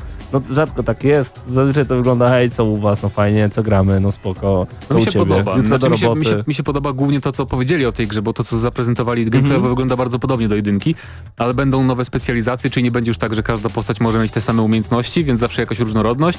Będzie o wiele więcej kontentu na początku, o wiele więcej misji fabularnych dla jednego gracza, e, właśnie rajdy dla ośmiu osób i będą wszystkie dodatki e, za darmo, czyli nie będzie tak jak w jedynce, czyli nowy content, grupowe aktywności będą wprowadzane do gry za free, to mnie bardzo cieszy. I też lokacja mi się się bardzo podoba w sumie. Fajnie, że nie, nie zostaliśmy w Nowym Jorku, że nie ma znowu tego samego, tylko Waszyngton zupełnie co innego i taki bardziej sierankowy, pozornie Mhm. e, jest ten krajobraz, bo zwiastun CGI, który pokazali, to jednak taki do, dosyć był ponuro No i brutalny. Waszyngton to też bardziej takie przedmieścia, pojedyncze domki, więc pójdą w taki klimat. Nie. Znaczy ma być całe miasto ogólnie, nie tylko będą te przedmieścia, ale całe miasto jedno do jednego mają odwzorować, więc to będzie bardzo Aha. interesujące. Ale No to nie zobaczymy. jest duże miasto. Tak czy inaczej. No zobaczymy jak to, jak to wyjdzie. Natomiast jedno z zaskoczeń to dodatek do Mario and Rabbids Kingdom Battle Donkey Kong Adventure. Duży dodatek e, wprowadzający postać Donkey Konga. Spoko. Fajnie, że pokazują się postaci związane z Nintendo na innych konferencjach. No i a propos Nintendo, pokazali znowu grę Starlink, czyli taką powiedzmy no grę zręcznościową, latamy statkiem kosmicznym, strzelamy do jakichś tam przeciwników, e, przy czym gimmick tu jest taki, że mamy model tego statku fizyczny, jak te Skylanders figurki na przykład i dodajemy do tego modelu różne elementy i w ten sposób rozbudowujemy sobie też statek w grze. To jest bardzo ciekawa rzecz, ja nie przepadam może za, za takimi urozmaiceniami, ale dla kolekcjonerów to może być coś fajnego i właśnie ujawnili, że będzie też statek e, z gry Star Fox i bohater Star Foxa, więc I to jest bardzo jakaś kolaboracja. ciekawa zapowiedź. Skulls and Bones to gra o piratach, e, która zapowiada się bardzo ciekawie, szczególnie po tym, co pokazało Sea of Thieves, czyli nic. No w trailerze Skull Bones było więcej kontentu niż jest Sea of Thieves, więc mi się to bardzo spodobało. Chociaż e, to będzie trochę inna gra, bo my sami będziemy kierować naszym wielkim statkiem, nie będzie to kooperacja. No ale niektórzy mówili, że to Assassin's Creed Black Flag 2. No to trochę no, tak jest, ale tylko mamy... o wiele, o wiele bardziej rozbudowane, nie? Tak. Jednak bardzo dużo rodzajów statków, w ogóle Mhm. jakieś... I też na Morzu Indyjskim akcja się dzieje, co w ogóle chyba pierwotnie nie było założeniem. Wydaje mi Będzie się, że ciekawie. pierwotnie to miało być na Karaibach. Wymieniać armaty, żagle, No wszystko. różne statki, odwiedzać w ogóle te, te fortece, które napotkamy. To, co chyba chłopaki trochę narzekali, że system jakby zniszczeń yy, za bardzo wygląda na to, nie wpływa na to, jak sam statek się porusza. Tylko jest tak, no już masz na przykład 10% życia, no to okej, trochę wolniej się p- płyniesz, poruszasz, ale nie wydaje mi się, żeby to miało jakiś taki negatywny wpływ na, Okej. rozgrywkę. E, przejdźmy do kolejnego tytułu, to będzie e, Transference. To jest właśnie gra na wirtualną rzeczywistość, na I nie hełm. tylko. I nie tylko, tak? Gdzie będziemy musieli uciec z umysłu, dziwnego umysłu. Z umysłu naszego ojca, który postanawia nas chronić w jakiś chory sposób i to jest właśnie gra, nad którą pracuje też Elijah Wood. E, Nie wiem czym ona będzie, to ma być gra przygodowa i tam będą fragmenty filmów też i ma być trochę gameplayu, więc połączenie gier FMV z, z jakimś gameplayem takim bardziej przygodówkowym. Mhm. Intrygująca rzecz, no taki horrorowy trochę. mm, Ciekaw mnie to ile tam będzie gameplayu przede wszystkim, nie? Więc Tak jest. trudno cokolwiek więcej powiedzieć, bo mało pokazali. Pokazano także The Crew 2, czy chcecie się zatrzymać przy tym tytule? E, Myślę, że było już tyle pokazów tej gry, Okej. że to raczej była taka gra... Eh. W takim razie na targach E3 podczas konferencji Ubisoftu mieliśmy jeszcze Assassin's Creed Odyssey. Czyli najciekawszą, największą, najbardziej interesującą w ogóle zapowiedź na tej konferencji. Tylko, że to nie jest Assassin. To nie jest asasyn, bo nie będzie tam asasynów i templariuszy, bo jeszcze No to w ogóle ciekawe, to, to wszystko nie powstało jeszcze, Wow. ale y, jakby gra będzie opowiadała, jaki wpływ na cywilizację tą europejską i świata mieli ci tacy przybysze, jak oni się dokładnie nazywają y, według gry. Ci z kosmosu? obcy, tak. O Boże, ja ty w ogóle nie kojarzę tej wątku tego kosmicznego ten, w Asasynach, więc Wątek współczesny, gdzie ci jakby no, bogowie ob- jacyś tam, tak, tak. założyli w ogóle, stworzyli człowieka i założyli całą cywilizację i będzie pokazane to, jak ci obcy wpłynęli na właśnie starożytną Grecję i jak to się stało, że to tak w ogóle No, wyszło. wpłynęli, Więc, wpłynęli tak, że mamy teraz specjalne umiejętności w Assassin's Creed Odyssey, bo em, jesteśmy w ogóle potomkami Leonidasa i mamy kawałek jego włóczni, dzięki niej mamy dostęp do różnych aktywnych umiejętności, więc to jest nowość. Na przykład wciśniemy L1 plus X, to wykonujemy jakiś super kopniak, albo rzucamy właśnie włócznią w przeciwnika, coś albo takiego. zabieramy tarczę, więc jakby rozgrywka się trochę ułatwi dzięki tym e, super ciosom, bym tak to nazwał. E, ale z drugiej strony w Origins ona była taka trudna, czasem trochę męcząca, bo dużo czasu zajmowała, a te jakby dodatkowe umiejętności mogą jakoś to ułatwić i zrobić z tej rozgrywki bardziej taką ef- efektywną i efektowną. Z tego co wiem, e, na podcaście GNM Plus będzie więcej na temat tego asasyna, także zapraszamy Was Tak, bardzo ale jedną gorąco. rzecz chciałem jeszcze dodać, że będziemy mieć opcję wyboru dialogów, więc coś zupełnie nowego, bardzo RPGowego. No i wybór bohatera też. Tak, tak. No to bo będzie kobieta i mężczyzna, Alexis i Cassandra. Ciekawie to się bardzo zapowiada, także zapraszamy Was bardzo gorąco już jutro wieczorem GNM Plus na naszym kanale na YouTubie, który w tym momencie oczywiście oglądacie e, razem z nami. Dołączajcie do naszego czatu. E, Już za chwilę opowiemy Wam o najlepszych grach PC-owych, a także o konferencji, która miała pozamiatać i czy rzeczywiście mm, to zrobiła, czy rozgromiła Microsoft na łopatki. O tym już za chwilę wgramy na maksa, czyli konferencja Sony Computer Entertainment. Zostańcie z nami jak najdłużej. Gramy na maksa.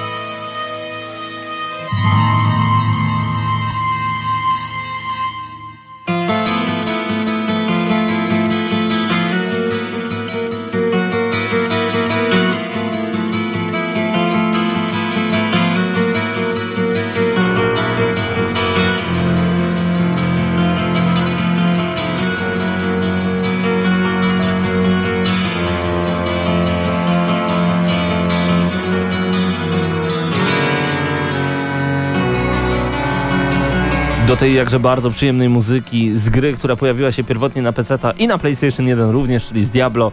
E, Razem ze mną Mateusz Zanowicz, Paweł Stachyra, panowie, którzy na PC-tach znają się dobrze i grają dużo na PC-tach. Panowie, czy to prawda, że chcecie mi opowiedzieć o RPG-u, w którym gramy rekinem i zjadamy ludzi? E, tak chcemy, trochę nas wy- wybiłeś z kolejności, PC Game. ale to nic nie szkodzi. E, Man Eater, nawet nazwa bardzo pasuje, teraz jak tak sobie przeczytałem na głos. E, to jest właśnie RPG, w którym będziemy rekinem i będziemy od kijanki, nie, nie mówi się chyba kijanki na, na małe ryby. Od małej rybki będziemy grać rekinem i rozwijać się w trakcie rozgrywki, Kijanu. pożerając na początku ryby, a potem w późniejszych fazach będziemy też mogli chyba atakować ludzi. Mhm. Więc e, nie pokazali dużo z tej gry, ale sam koncept jakby jest e, no bardzo, bardzo interesujący i to jest też takie, taki wyznacznik tej konferencji, że oni tam pokazywali takie dziwne gry i takie inne, że no tym się wyróżniało głównie, bo niestety zabrakło takich, na które liczyłem, że na przykład Age of Empires 4. No Właśnie nie było, nie było dużych graczy w ogóle, ale to za chwilę może powiemy o tym, jak będziemy tak podsumowywać tą e, konferencję. Natomiast e, Man Eater, właśnie ta gra o rekinie, ona e, w bardzo ciekawy sposób miała ten swój gameplay, e, twój, swój e, trailer s, e, sformułowany, s, e, skonstruowany, ponieważ tak naprawdę na starcie wydawało mi się, że to jest jakaś gra o plaży. No nie wiem, jest No, się na bo ktoś plaży, jest się człowiekiem, tam. tak. E, rybka po prostu była, nie wiem, może gra o łowieniu ryb, może gra o jakimś e, słonecznym patrolu, cokolwiek, a potem się okazało, że perspektywa przeszła na rekina i nagle moje jakby zainteresowanie skoczyło e, całkiem wysoko. Szczególnie, że to pewnie będzie jakiś taki indyk, więc, e, No znaczy tak. to będzie indyk, ale nie będzie to jakaś droga gra, więc pe- pewnie, pewnie zahaczę i zobaczę. E, I jak znam życie akurat tego typu grę, to zahaczy i zobaczy Patryk Ciesielka. Mhm. E, A propos, a propos indyków, e, były dwie gry o taksówkarzach w ogóle. E. Pierwszą z nich jest Neocap i to jest gra w klimatach cyberpunkowych, gdzie jesteśmy e, kobietą tak, taksówkarzem i to jest ostatni ludzki taksówkarz w mieście, gdzie wszystkie inne zawody taksówkarza już e, jakby sprawują e, androidy. Mateusz, co się, co się, co, o co chodzi z tymi PC-tami? Przecież To je, PC-ty to są dzisiaj takie poletka eksperymentów i to jest właśnie bardzo fajne, że otrzymujemy gry, które wiesz, są I o- najlepsza platforma do multiplatform. No, ale w każdym pomimo razie tego, co mówisz o I Xbox. to, I to ma być gra głównie taka przygodowa, że będziemy, ma być też ele- element jazdy po tym mieście, bo w ogóle jakaś tajna organizacja cyberpunkowa ma śledzić naszą bohaterkę, ale mamy też rozmawiać z naszymi pasażerami, tam odkrywać ich historię, więc jest to całkiem intrygujące. Przypomina koncept y, Valhalla troszeczkę. Była ta gra, w której byliśmy mm, z kolei barmanem, barmanką e, w takim też cyberpunkowym klimacie. I mam wrażenie, bo to, to chyba nie będzie jakaś, to nie będzie jakaś gra akcji ani nic takiego, to No nie, raczej nie, to- będzie polegało na odwożeniu i słuchaniu tych ludzi, których wywieziemy. Podejrzewam, że tak. Może też troszeczkę jak y, Papers, Please, gdzie po prostu te mm, krótkie konwersacje, te momenty, które spędzamy z naszymi e, pasażerami jakoś wpłyną na, na powiedzmy to, co się z nami później stanie. I to nie była jedyna gra o taksówkarzu. E, drugi symulator Ube Ubera, e, Ale właśnie nie mamy go na tej liście, która tu jest na naszym Aha, ekranie, więc bo znaleźliśmy sobie listę 10 najlepszych gier e, z PC Gaming Show, ponieważ jako, że większość z nich to były takie indyki, to też trzeba było sobie tytuły przypomnieć. No ale ona była, trochę mniej o niej wiemy, tak naprawdę widzieliśmy tylko taki bardziej e, noirowy zwiastun, tak, ona była taka ciemna, trochę komiksowa, nie? Trochę przypominała Tak. Sin City. będzie gra przygodowa właśnie. No to też, też podobnie, podobny koncept przygodówka. A propos gier przygodowych, to z- pokazano też The Sinking City i później zapowiedziano, że gra ukaże się dopiero 21 marca przyszłego roku, więc jeszcze poczekamy. To jest gra e, w uniwersum czy w klimatach Lovecraftowskich, e, gdzie właśnie eksplorujemy bardzo podtopione takie miasto i to jest taki końcówka XIX wieku, jeżeli chodzi o stylistykę tego wszystkiego, miasta samego i postaci. Mm, I to będzie właśnie gra e, action RPG powiedzmy. Nie, nie wiem jak to określić szczerze mówiąc, jeżeli chodzi o... No do końca nie wiemy, ale mniej ak- action, gdyby action RPG miał mniejszy nacisk na action, i w sumie na RPG, na RPG też pewnie. taka, No, ona wygląda taka no, Trochę taką jak Bioshock, połączenie Bioshocka z amnezją, z tym Mhm. horrorem, coś okej, takiego, więc, więc to też bardzo intrygujące. Pokazano też pierwszy zwiastun największego Battle Royale w historii, ponieważ Mavericks Proving Grounds, piękna nazwa, ma zaoferować starcia 400 graczy, nie 100, nie 200, tylko 400 graczy na jednej mapie ogromnej. No I wygląda całkiem ładnie. Powiedziałbym, że wygląda on najlepiej graficznie z tych wszystkich early No accessowych e, Battle Royalów, więc jak, kto, jak kogoś obchodzi E, jeszcze to ten jest- gatunek, To jest ciekawy spin na to, na, znaczy spin, to, to jest e, takie rozwinięcie tego gatunku pod względem, e, to znaczy z wykorzystaniem platformy, tak? Bo e, Battle Royale niektóre takie jak Fortnite są na różnych platformach. Niekoniecznie wyobrażam sobie, żeby konsole uniosły na przykład właśnie 400 graczy czy więcej naraz na no tak, serwerze. i tu w ogóle ma być Nie ma szans. Ma być zaawansowana Ale- fizyka, że na przykład mamy wyśledzić graczy po śladach na trawie odciśniętych, coś takiego, więc to jest całkiem intrygujące. A propos strzelanek jeszcze pokazano po raz pierwszy The Walking Dead, y, czyli strzelankę kooperacyjną. A, to, a em, nie, ja myślałem, że ty mówisz o nowym sezonie. The Nie, nie, mówię o, mówię o strzelance od twórców Payday. E, Czyli to ma być też dla czterech osób strzelanka kooperacyjna, trochę w stylu The Walking Dead właśnie. E, Co ja mówię, w stylu Left 4 Dead. Te zombie my się już my mylą, ale nie, nie porwało mnie jakoś szczególnie. Wygląda No bardzo nie. tak no generycznie jak, jak, na, jak na strzelanki z zombiakami, ale w sumie nie, dawno nie było żadnej. Więc też czemu nie, Left 4 Dead 3 chyba nigdy się nie ukaże. Wcale, wcale ci się nie dziwię, że ci się mylą. Pamiętaj słynne przysłowie człowiek człowiekowi wilkiem, a zombie, zombie, zombie. No właśnie. Tak. Pokazano też największe oszustwo w historii ludzkości. Opowiadaj. Star Citizen. Gra, którą pokazują od lat, którą, nad którą pracują od lat, która zabrała mnóstwo pieniędzy na Kickstarterze. Potem tym moje zebrała... 40 euro. Ale, nie ale 40 euro to nic. 4 lata temu. Są ludzie, Było. którzy płacą grube tysiące za Ale mam Star statek Citizena. przynajmniej już i mogę sobie polatać w takim, na takiej małej mapce. Tak, w Alfie kolejnej. Ale w każdym razie- ogłosili nową Alfę po prostu na tym, na Tak. tym zwiastunie. E, są ludzie, którzy... Mm, jest, jest w ogóle taka opcja zapłacenia 1000 dolarów, żeby odblokować opcję zapłacenia 27 tysięcy dolarów za odblokowanie wszystkich statków, kiedy już ta gra wyjdzie, czyli nigdy. Tak, bo Paweł się dziwi, ale są tacy ludzie, którzy autentycznie płacą horrendalne sumy za wirtualne statki w grze, która jeszcze nie jest dokończona. Więc e, to jest fenomen, to jest fenomen, ja mam nadzieję, że to, To, kiedyś wyjdzie. to są ludzie, których potem inni robią na wnuczka, y, na policjanta. To są właśnie, Możliwe. to są ludzie, którzy muszą mieć na parce orzeszków napisane może zawierać orzechy. Tak, tak czuję. Ale zakończmy, Wow, zakończmy wow. czym, ba- czymś bardziej interesującym. Nowa gra, pamiętacie Goat Simula- Simulator? Symulator kozy. Mhm. Zawsze. E, Teraz twórcy robią grę, która nazywa się Satisfactory. Która wygląda dużo ciekawiej niż symulator kozy, bo e, nie wiem, czy ktokolwiek z naszych e, słuchaczy grał kiedyś albo wy w e, Factorio, ale to była taka ciekawa strategia połączona z, y, mm, z takim Tyconem, no, ciężko to określić. Budowało się swoją fabrykę, bardzo skomplikowaną, złożoną, e, Tak. w której różne trybiki musiały razem współpracować i, i po jakimś czasie y, naprawdę mieliśmy jakby na taką skalę to, że najmniejszy błąd gdzieś popełniony przy budowie jakby No tak, Wszystko nam ta gra. Factory to jest 2D, takie, że obserwujemy to od boku, a tutaj mamy pełne 3D. Z pierwszej osoby z tego co... E, chyba z trzeciej. Na przykład w Trzeciej? każdym No jest no bardzo ładne tak. środowisko i będziemy budować własne fabryki i Będziemy to, jeździć dosyć, samochodami. Taka przyjemna gierka. wygląda to dosyć ciekawie. No, Problem z, z tą konferencją, bo jeżeli możemy przejść do jakiegoś podsumowania. Bardzo proszę. Ach, ty się odczep. Nie no, bo mało czasu nam Microsoft zostało. Sony, Sony. Sony przed nami. E, I Nintendo nie zapominajcie. Natomiast e, tak. Natomiast e, problem z tą konferencją jest taka, taki, że wszyscy duzi, duży wydawcy, oni pokazują na swoich konferencjach gry, a to jest, nie, nawet tu nie ma multiplatform, oni po prostu pokazują e, indyki albo ekskluzyw, ekskluzywne gatunki, czyli w tym wypadku strategię. no tak, A ale w czemu tym na przykład roku- nie pokazano Total War'a Właśnie tego nie pokazano w tym roku żadnego dużego gracza tutaj, to bardzo mnie martwiło. Nie było Total War'a nowego, który przecież pokazywał e, zwiastun poza jakby 3 teraz w tym samym czasie. Nie było Bannerlorda, ale o tym już wiedzieliśmy wcześniej. E, no i nie było mm, żadnej gry od Paradoksu. tak, Tak, nie było Age of Age of Empires Empires 4. Empires 4. i nie było żadnej gry paradoksu, czyli też e, dużo ich zapowiedziano, spodziewałem się, że się tu pojawią. No, No ale to było trochę rozczarowujące może za, rok, względem. może za rok będzie lepiej, w każdym razie dużo ciekawych gier niezależnych Tak, i chyba przejdziemy do... PC Gaming Show i tak idzie w dobrą stronę. Mateuszu, chciałbym troszeczkę zaburzyć e, naszą dzisiejszą konwencję. Mam ciebie teraz pod ręką. Nintendo. Chciałbym o Nintendo opowiadać. Najpierw To uwaga, ja mogę szybki, bardzo szybko. szybki dżingiel. Gramy na maksa. Nintendo na E3, słucham cię bardzo. Nintendo pokazało bardzo niewiele. E, Główna, główna część prezentacji to było Super Smash Bros. Ultimate, czyli nowa odsłona serii, ukaże się 7 grudnia i to jest największa odsłona tej serii bijatyk, ponieważ będzie tam 80 postaci. Wszystkie postacie, jakie kiedy, kiedykolwiek były w Smash Bros. będą w tej grze, plus Ridley, czyli ten przeciwnik e, Samus z Metroida. Więc jedna nowa postać. Ten, którego chciała społeczność od lat.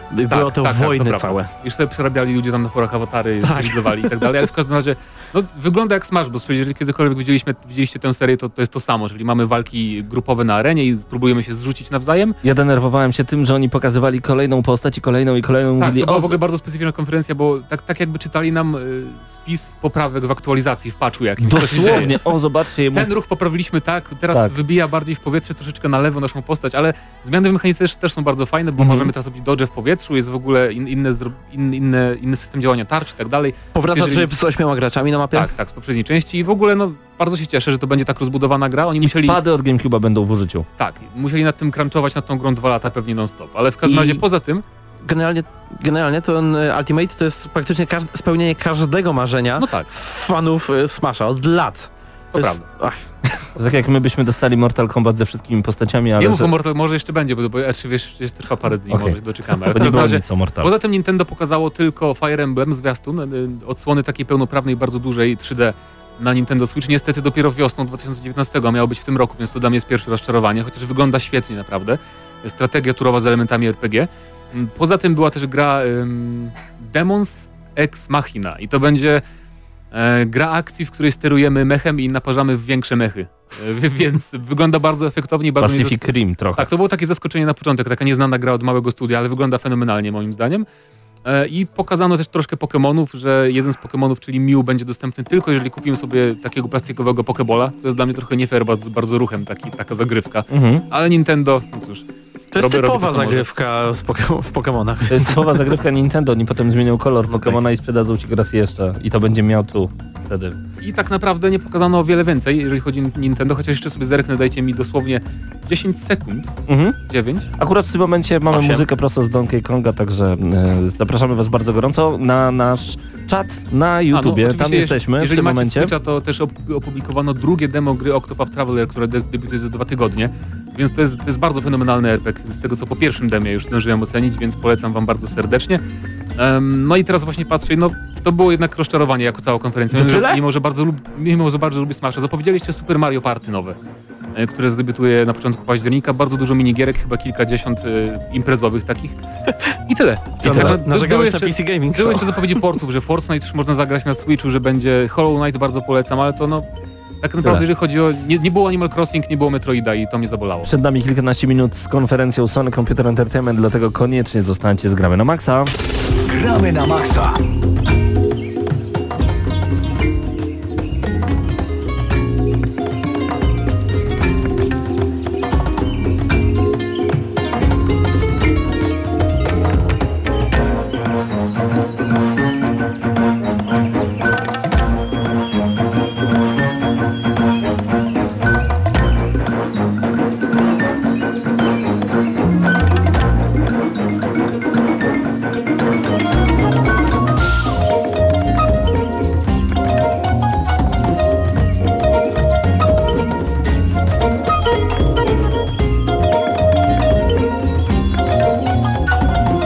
Bardzo przyjemną muzyką przechodzimy do bardzo przyjemnej konferencji, chociaż mrocznej z samego początku. Przed nami konferencja e, ostatnia już dzisiaj i ostatnia na E3 e, Sony Computer Entertainment. Znaczy ona nie była ostatnia na E3, spokojnie, ona była dzisiaj nad ranem o trzeciej.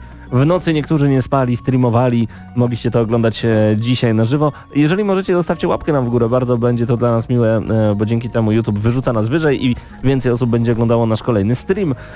I zachęcamy wszystkich słuchaczy Radia Free do tego, żeby dołączyli do nas na YouTube już teraz. Panowie, e, Sony przede wszystkim zaprosiło zmęczonych dziennikarzy do konferencji na stojąco i mówię tutaj o tym zupełnie serio, bo dziennikarze po prostu na to narzekali. pisali, że marzą tylko o krzesełku, a nie o nowych trailerach od Sony, bo są po prostu zmęczeni. A zaprosili ludzi do kościoła. Bo nie było zwiastunów. Były gameplaye same praktycznie. Mhm. Mhm. E, Zaproszono ludzi do kościoła, kościół, który był przybrany e, przepięknymi girlandami e, świetlistymi i nagle zaczął się cudowny trailer z The Last of Us 2. Cudowny, ponieważ e, mimika twarzy, która od razu rzuci, rzuciła nam się w oczy, e, po prostu powala na łopatki. Ja się zastanawiam w jaki sposób PlayStation 4 lub PlayStation 4 Pro udźwigną tak rewelacyjną grafikę, ale raz jeszcze to powtórzę. Naughty Dog to jest studio magiczne i cudowne. Oni potrafią wycisnąć ostatnie soki, a potem okazuje się, że tam jest jeszcze półtora litra tego soku. Także to jest też niesamowite. E, Gra wygląda fenomenalnie. Fenomenalnie. Jeśli chodzi o grafikę, animację, to jak y, nawet w samej walce takie małe rzeczy jak wyciągnięcie strzały z nieżyjącego człowieka i on wtedy trochę opadnie. Albo bo jak jest... postać się przewraca i wypadają jej z kołczanu różnego rodzaju strzały. No to jest ekstra. Drobne elementy, które naprawdę tworzą e, świat przedstawiony w sposób rewelacyjny. The Last of Us Part 2 przede wszystkim jest bardzo brutalne. Sony także postanowiło, Naughty Dog postanowiło troszeczkę zagrać na kontrowersji. Pojawia się tutaj motyw miłości Eli do innej dziewczyny, czyli mamy miłość lesbijską. E, I, i, I już się oczywiście gromy zaczęły sypać w stronę Sony. Mam to gdzieś, e, bardzo chętnie zagram. The Last of Us 2 to jest gra, znaczy, cały czas tylko przypomnę, moim zdaniem The Last of Us, pierwsza część to jest gra, którą każdy powinien przechodzić raz na pół roku, żeby stwierdzić, że wszystkie gry, w które graliście do tej pory są po prostu ultra słabe. Tak. Bo The Last of Us 2 to jest, to jest e, opus magnum gier wideo. No, tu się łyżka dziegciu musi być. Ja się z tym nie zgadzam akurat. Teraz do was to w tym momencie bardzo dobra produkcja, ale to jest gra z 2012 roku i w tym momencie się już bardzo mocno zestarzała. Fabularnie też triki, które były w 2012 roku już nie robią takiego wrażenia aktualnie, natomiast gra na pewno zostawia po sobie pamięć na zawsze. W, zostawia przede wszystkim dobre wrażenie. Fabularnie, jeśli chodzi o miłość lesbijską, jest to uzasadnione, biorąc pod uwagę chociażby dodatek e, Left Behind do Mhm. e, The Last of Us, gdzie tam Eli też bawiła się jeszcze wtedy jako, jako małe dziecko z koleżanką w centrum handlowym. Natomiast e, jeśli chodzi o rozgrywkę, to był taki prerenderowany gameplay powiedzmy. To na co zwróciliście uwagę to oczywiście prawda. No graficznie jest naprawdę bardzo, bardzo ładnie. Mimika twarzy to jest chyba najładniejsza mimika twarzy z jaką się sp- spodziewałem, ponieważ było to jeszcze bardzo fajnie uwypuklone. Ostatnio taka była w, mm, w The Last of Us. W God ostatnio taka była, wcześniej była Nie. w Uncharted. Mm, Tak, dokładnie tak Ale było. no, jeszcze dużo tytułów e, Sony przed nami. Natomiast Dobrze, tylko, dobrze, dobrze, dobrze, chwilkę. powiedzieć, że... The Last of Us nie przyniosło niczego nowego gameplayowo. To jest gra, w której robiło się to samo, co robiło się Joelem, Eli.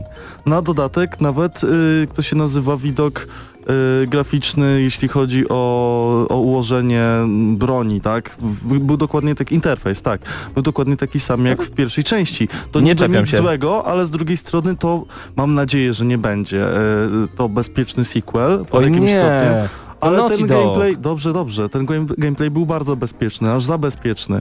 Okej, to jedyne co dostaliśmy kontrowersyjne Ja to nie, ten czułem się, pocałunek. ja nie natomiast- czułem się bezpiecznie oglądając ten gameplay, bo Eli była tak zaszczuta, że miałem ochotę jej jakoś pomóc i żałowałem, że to nie ja trzymam Nas tego pada. trzech było wczoraj y, rozczarowanych po prostu. The Last of Us nie było tak brutalne, jedynka, jak, Jak ta. jak, jak ten gameplay. Ten to, gameplay to był po prostu- w tym jest zmiana Tak, i w tym jak prawda. w ogóle walka jest przeprowadzana i w Myślę, jaki że- sposób są wyprowadzane ciosy. To będzie bardzo dorosła i, i bardzo poważna gra. też od razu jeszcze jedna rzecz, która mnie osobiście w jakiś sposób trochę zdenerwowała, no to już dodatek taki i jęczenie z mojej strony. Yy, W, był ten sam patent z y, przeciwnikami, którzy wchodzą do pomieszczenia, co w pierwszym The of Us, czyli weszło trzech chłopa i tak samo polecieli. Jeden w lewo, drugi w prawo, jeden na wprost.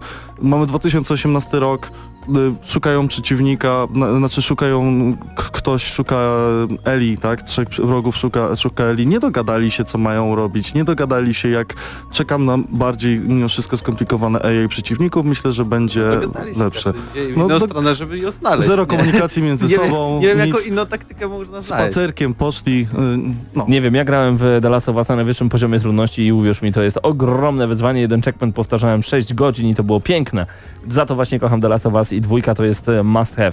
Call of Duty Black Ops 3, Cztery. 4. Cztery. Bo tam wiesz, inaczej wiem. zapisują. Tak. nie, nie mówmy nic o Call of Duty Black Ops 4, bo nie ma sensu. Widzieliśmy tylko zwiastun. zwiastun, który polega na tym, że kulka leciała przez jakieś półtorej minuty przez ekran, przez różne tekstury mm, tam płotu, e, pokoje i to było tyle.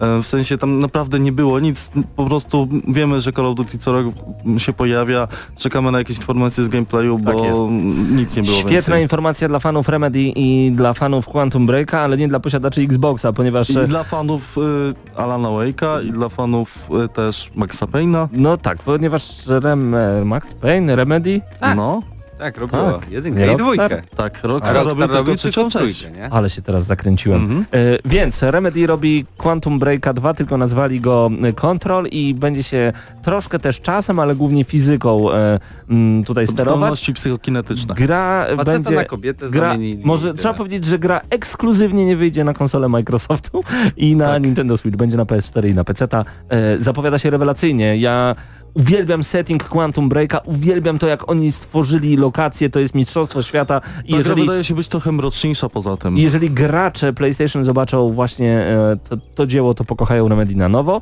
E, Days Gone pojawił się. Bo Krótki nowy trailer. trailer, który nic nie pokazał. Uwielbiam tę nazwę Days Gone, czyli oni zezgonowali. Ja no. chciałem powiedzieć tylko, że e, Days Gone ma dzień premiery, datę premiery 22 luty 2019 roku i nie wiem jak to się stało, że cztery duże gry wychodzą tego samego dnia. Days Gone wychodzi 22 lutego 2019 roku, Metro e, Exodus tego samego dnia wychodzi, Anthem od EA wychodzi tego samego dnia i jeszcze czwarta gra w tym momencie.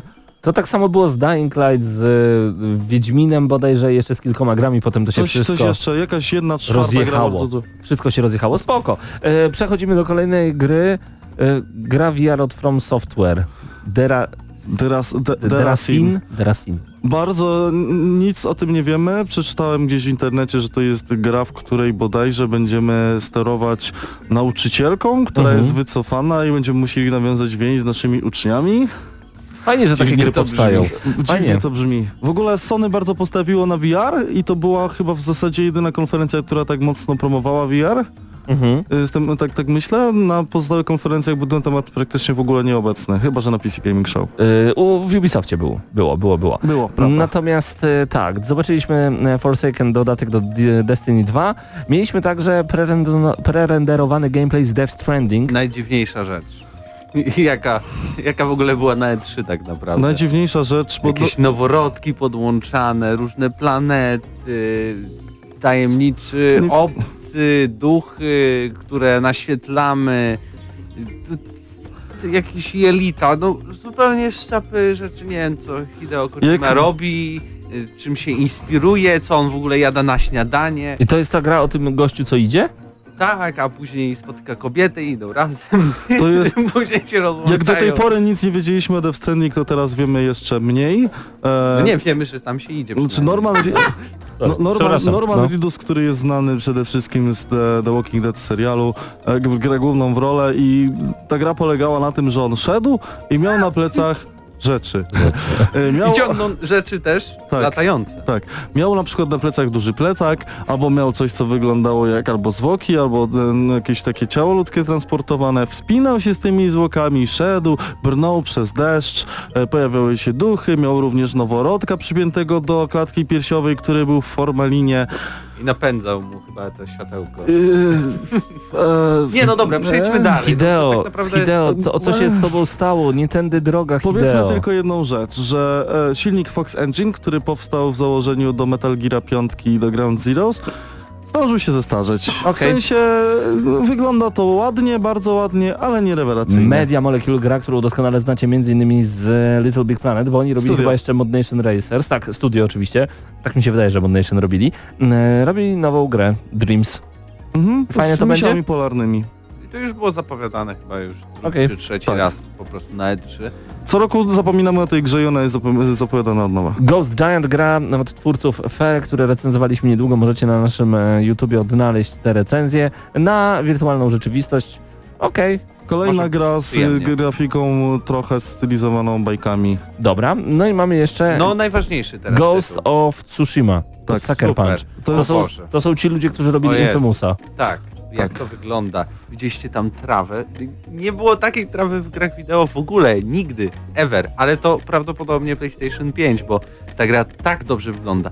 Tam każdy źdźbło się odsuwało od konia, tutaj błoto na te źdźbła, tutaj biegną, połączenie Tomb Raidera z The Last of Us, z Wiedźminem w walce, plus to w ogóle każdy cios był jakby te obrażenia szły dokładnie w tym samym miejscu, w którym cios był zadawany, co nieczęsto w grach jest po prostu tak realizowane, no bo trzeba na to bardzo dużo obliczeń. Można było odciąć rękę, głowę, każdą część ciała. Yy, no i jak wyglądała gra świateł, animacja, fizyka, ale no to Infamous pokazał, że, że, że to potrafi Sucker Punch robić. To coś niesamowitego, no i klimat. Yy, tam się chyba zaczynało od tego, że to jest ósmy dzień inwazji mongolskiej na Japonię. Wow. To jest e, zdecydowanie najlepsza gra moim zdaniem tych targów. E, Zobaczyliśmy absolutnie rewelacyjny gameplay. To może być jeszcze PlayStation 4. Chciałbym może zaznaczyć. być, to może być być. PlayStation 4. Myślę, że stać tę konsolę na to, Znaczy, żeby ten wygenerować gameplay tę jest. PlayStation 5, ale może być też na PlayStation 4. E, może być jak najbardziej. E, przede wszystkim e, piękna paleta barw, bardzo klimatyczna, świetny setting, czyli Japonia plus Mongolia. Poza tym e, rzeczywiście system walki, który e, robi wrażenie, ponieważ to nie jest ani slasher, ani to nie jest jakaś specjalna gra akcji, tylko tam rzeczywiście czujemy, że przeciwnicy i my trzymamy w rękach miecz, katanę i czujemy mm, po tym zwiastunie, po tym gameplayu, że ta broń wyprowadza te ciosy. Na ten moment za dużo o tej grze nie wiemy, ale sprawia wrażenie naprawdę niewiarygodnie dobre. To, co mi się nie podobało, to to, że można było wejść na belkę i skoczyć tak samo jak w Batmanie na przeciwnik od góry, to taki kopiuj w klej w element. Asasynie. Jak w W Asa- Asasynie. Asasynie, w Batmanie, Y, tak. Panowie, kończy nam się czas, mimo że dzisiaj mamy dłuższą audycję, no to musimy Ale jednak... wiele dużo ważnych Zostało jeszcze zostało. trochę. Resident Evil 2. Y, y, remake, ale taki remake, którego nikt się nie spodziewał, bo to nie będzie Tak. Resident Evil 2 HD, to będzie zupełnie... e, Tworzenie gry od początku. tak. I pytanie, dlaczego to nie jest Resident Evil 8, ja się pytam.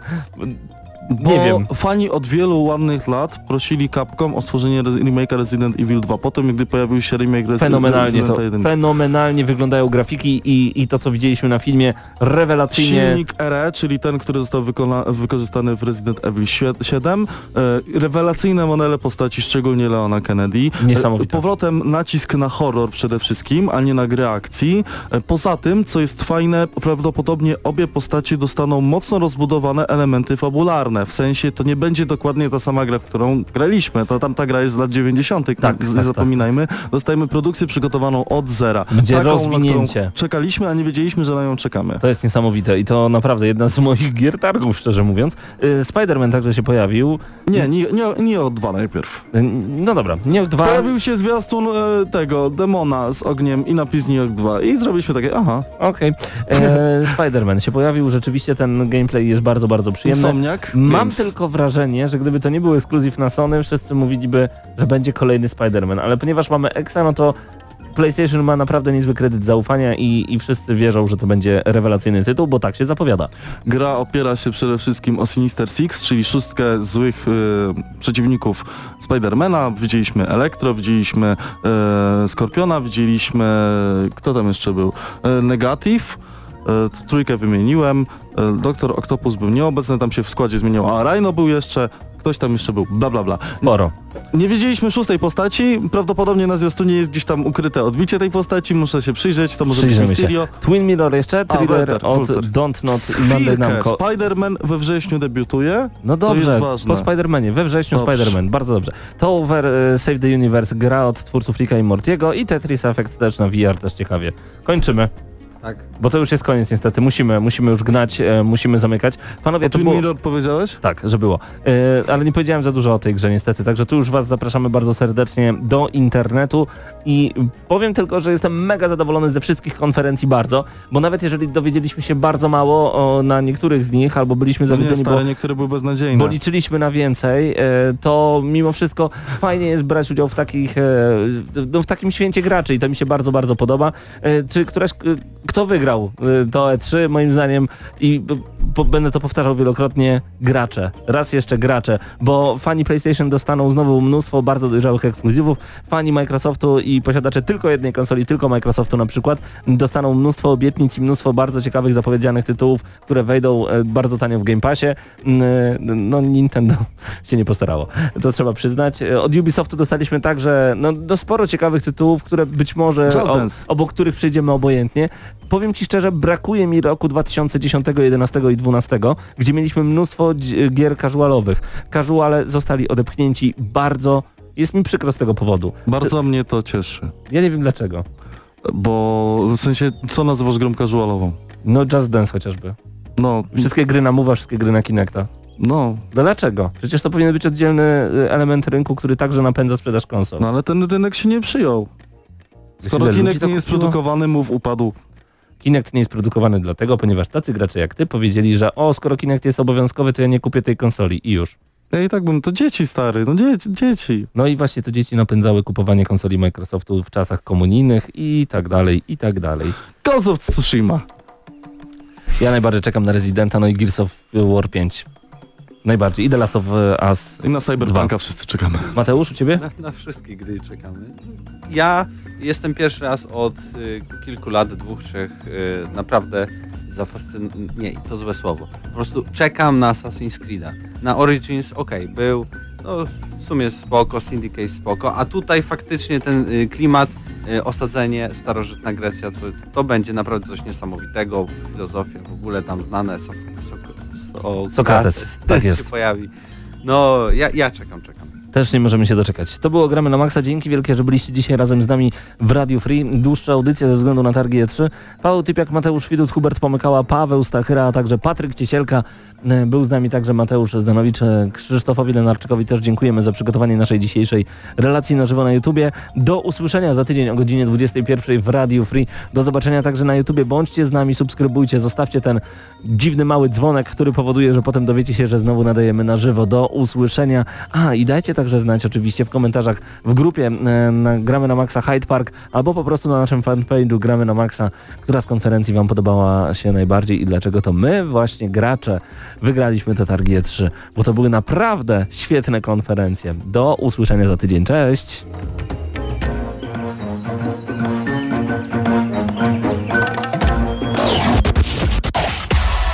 Gramy na maksa.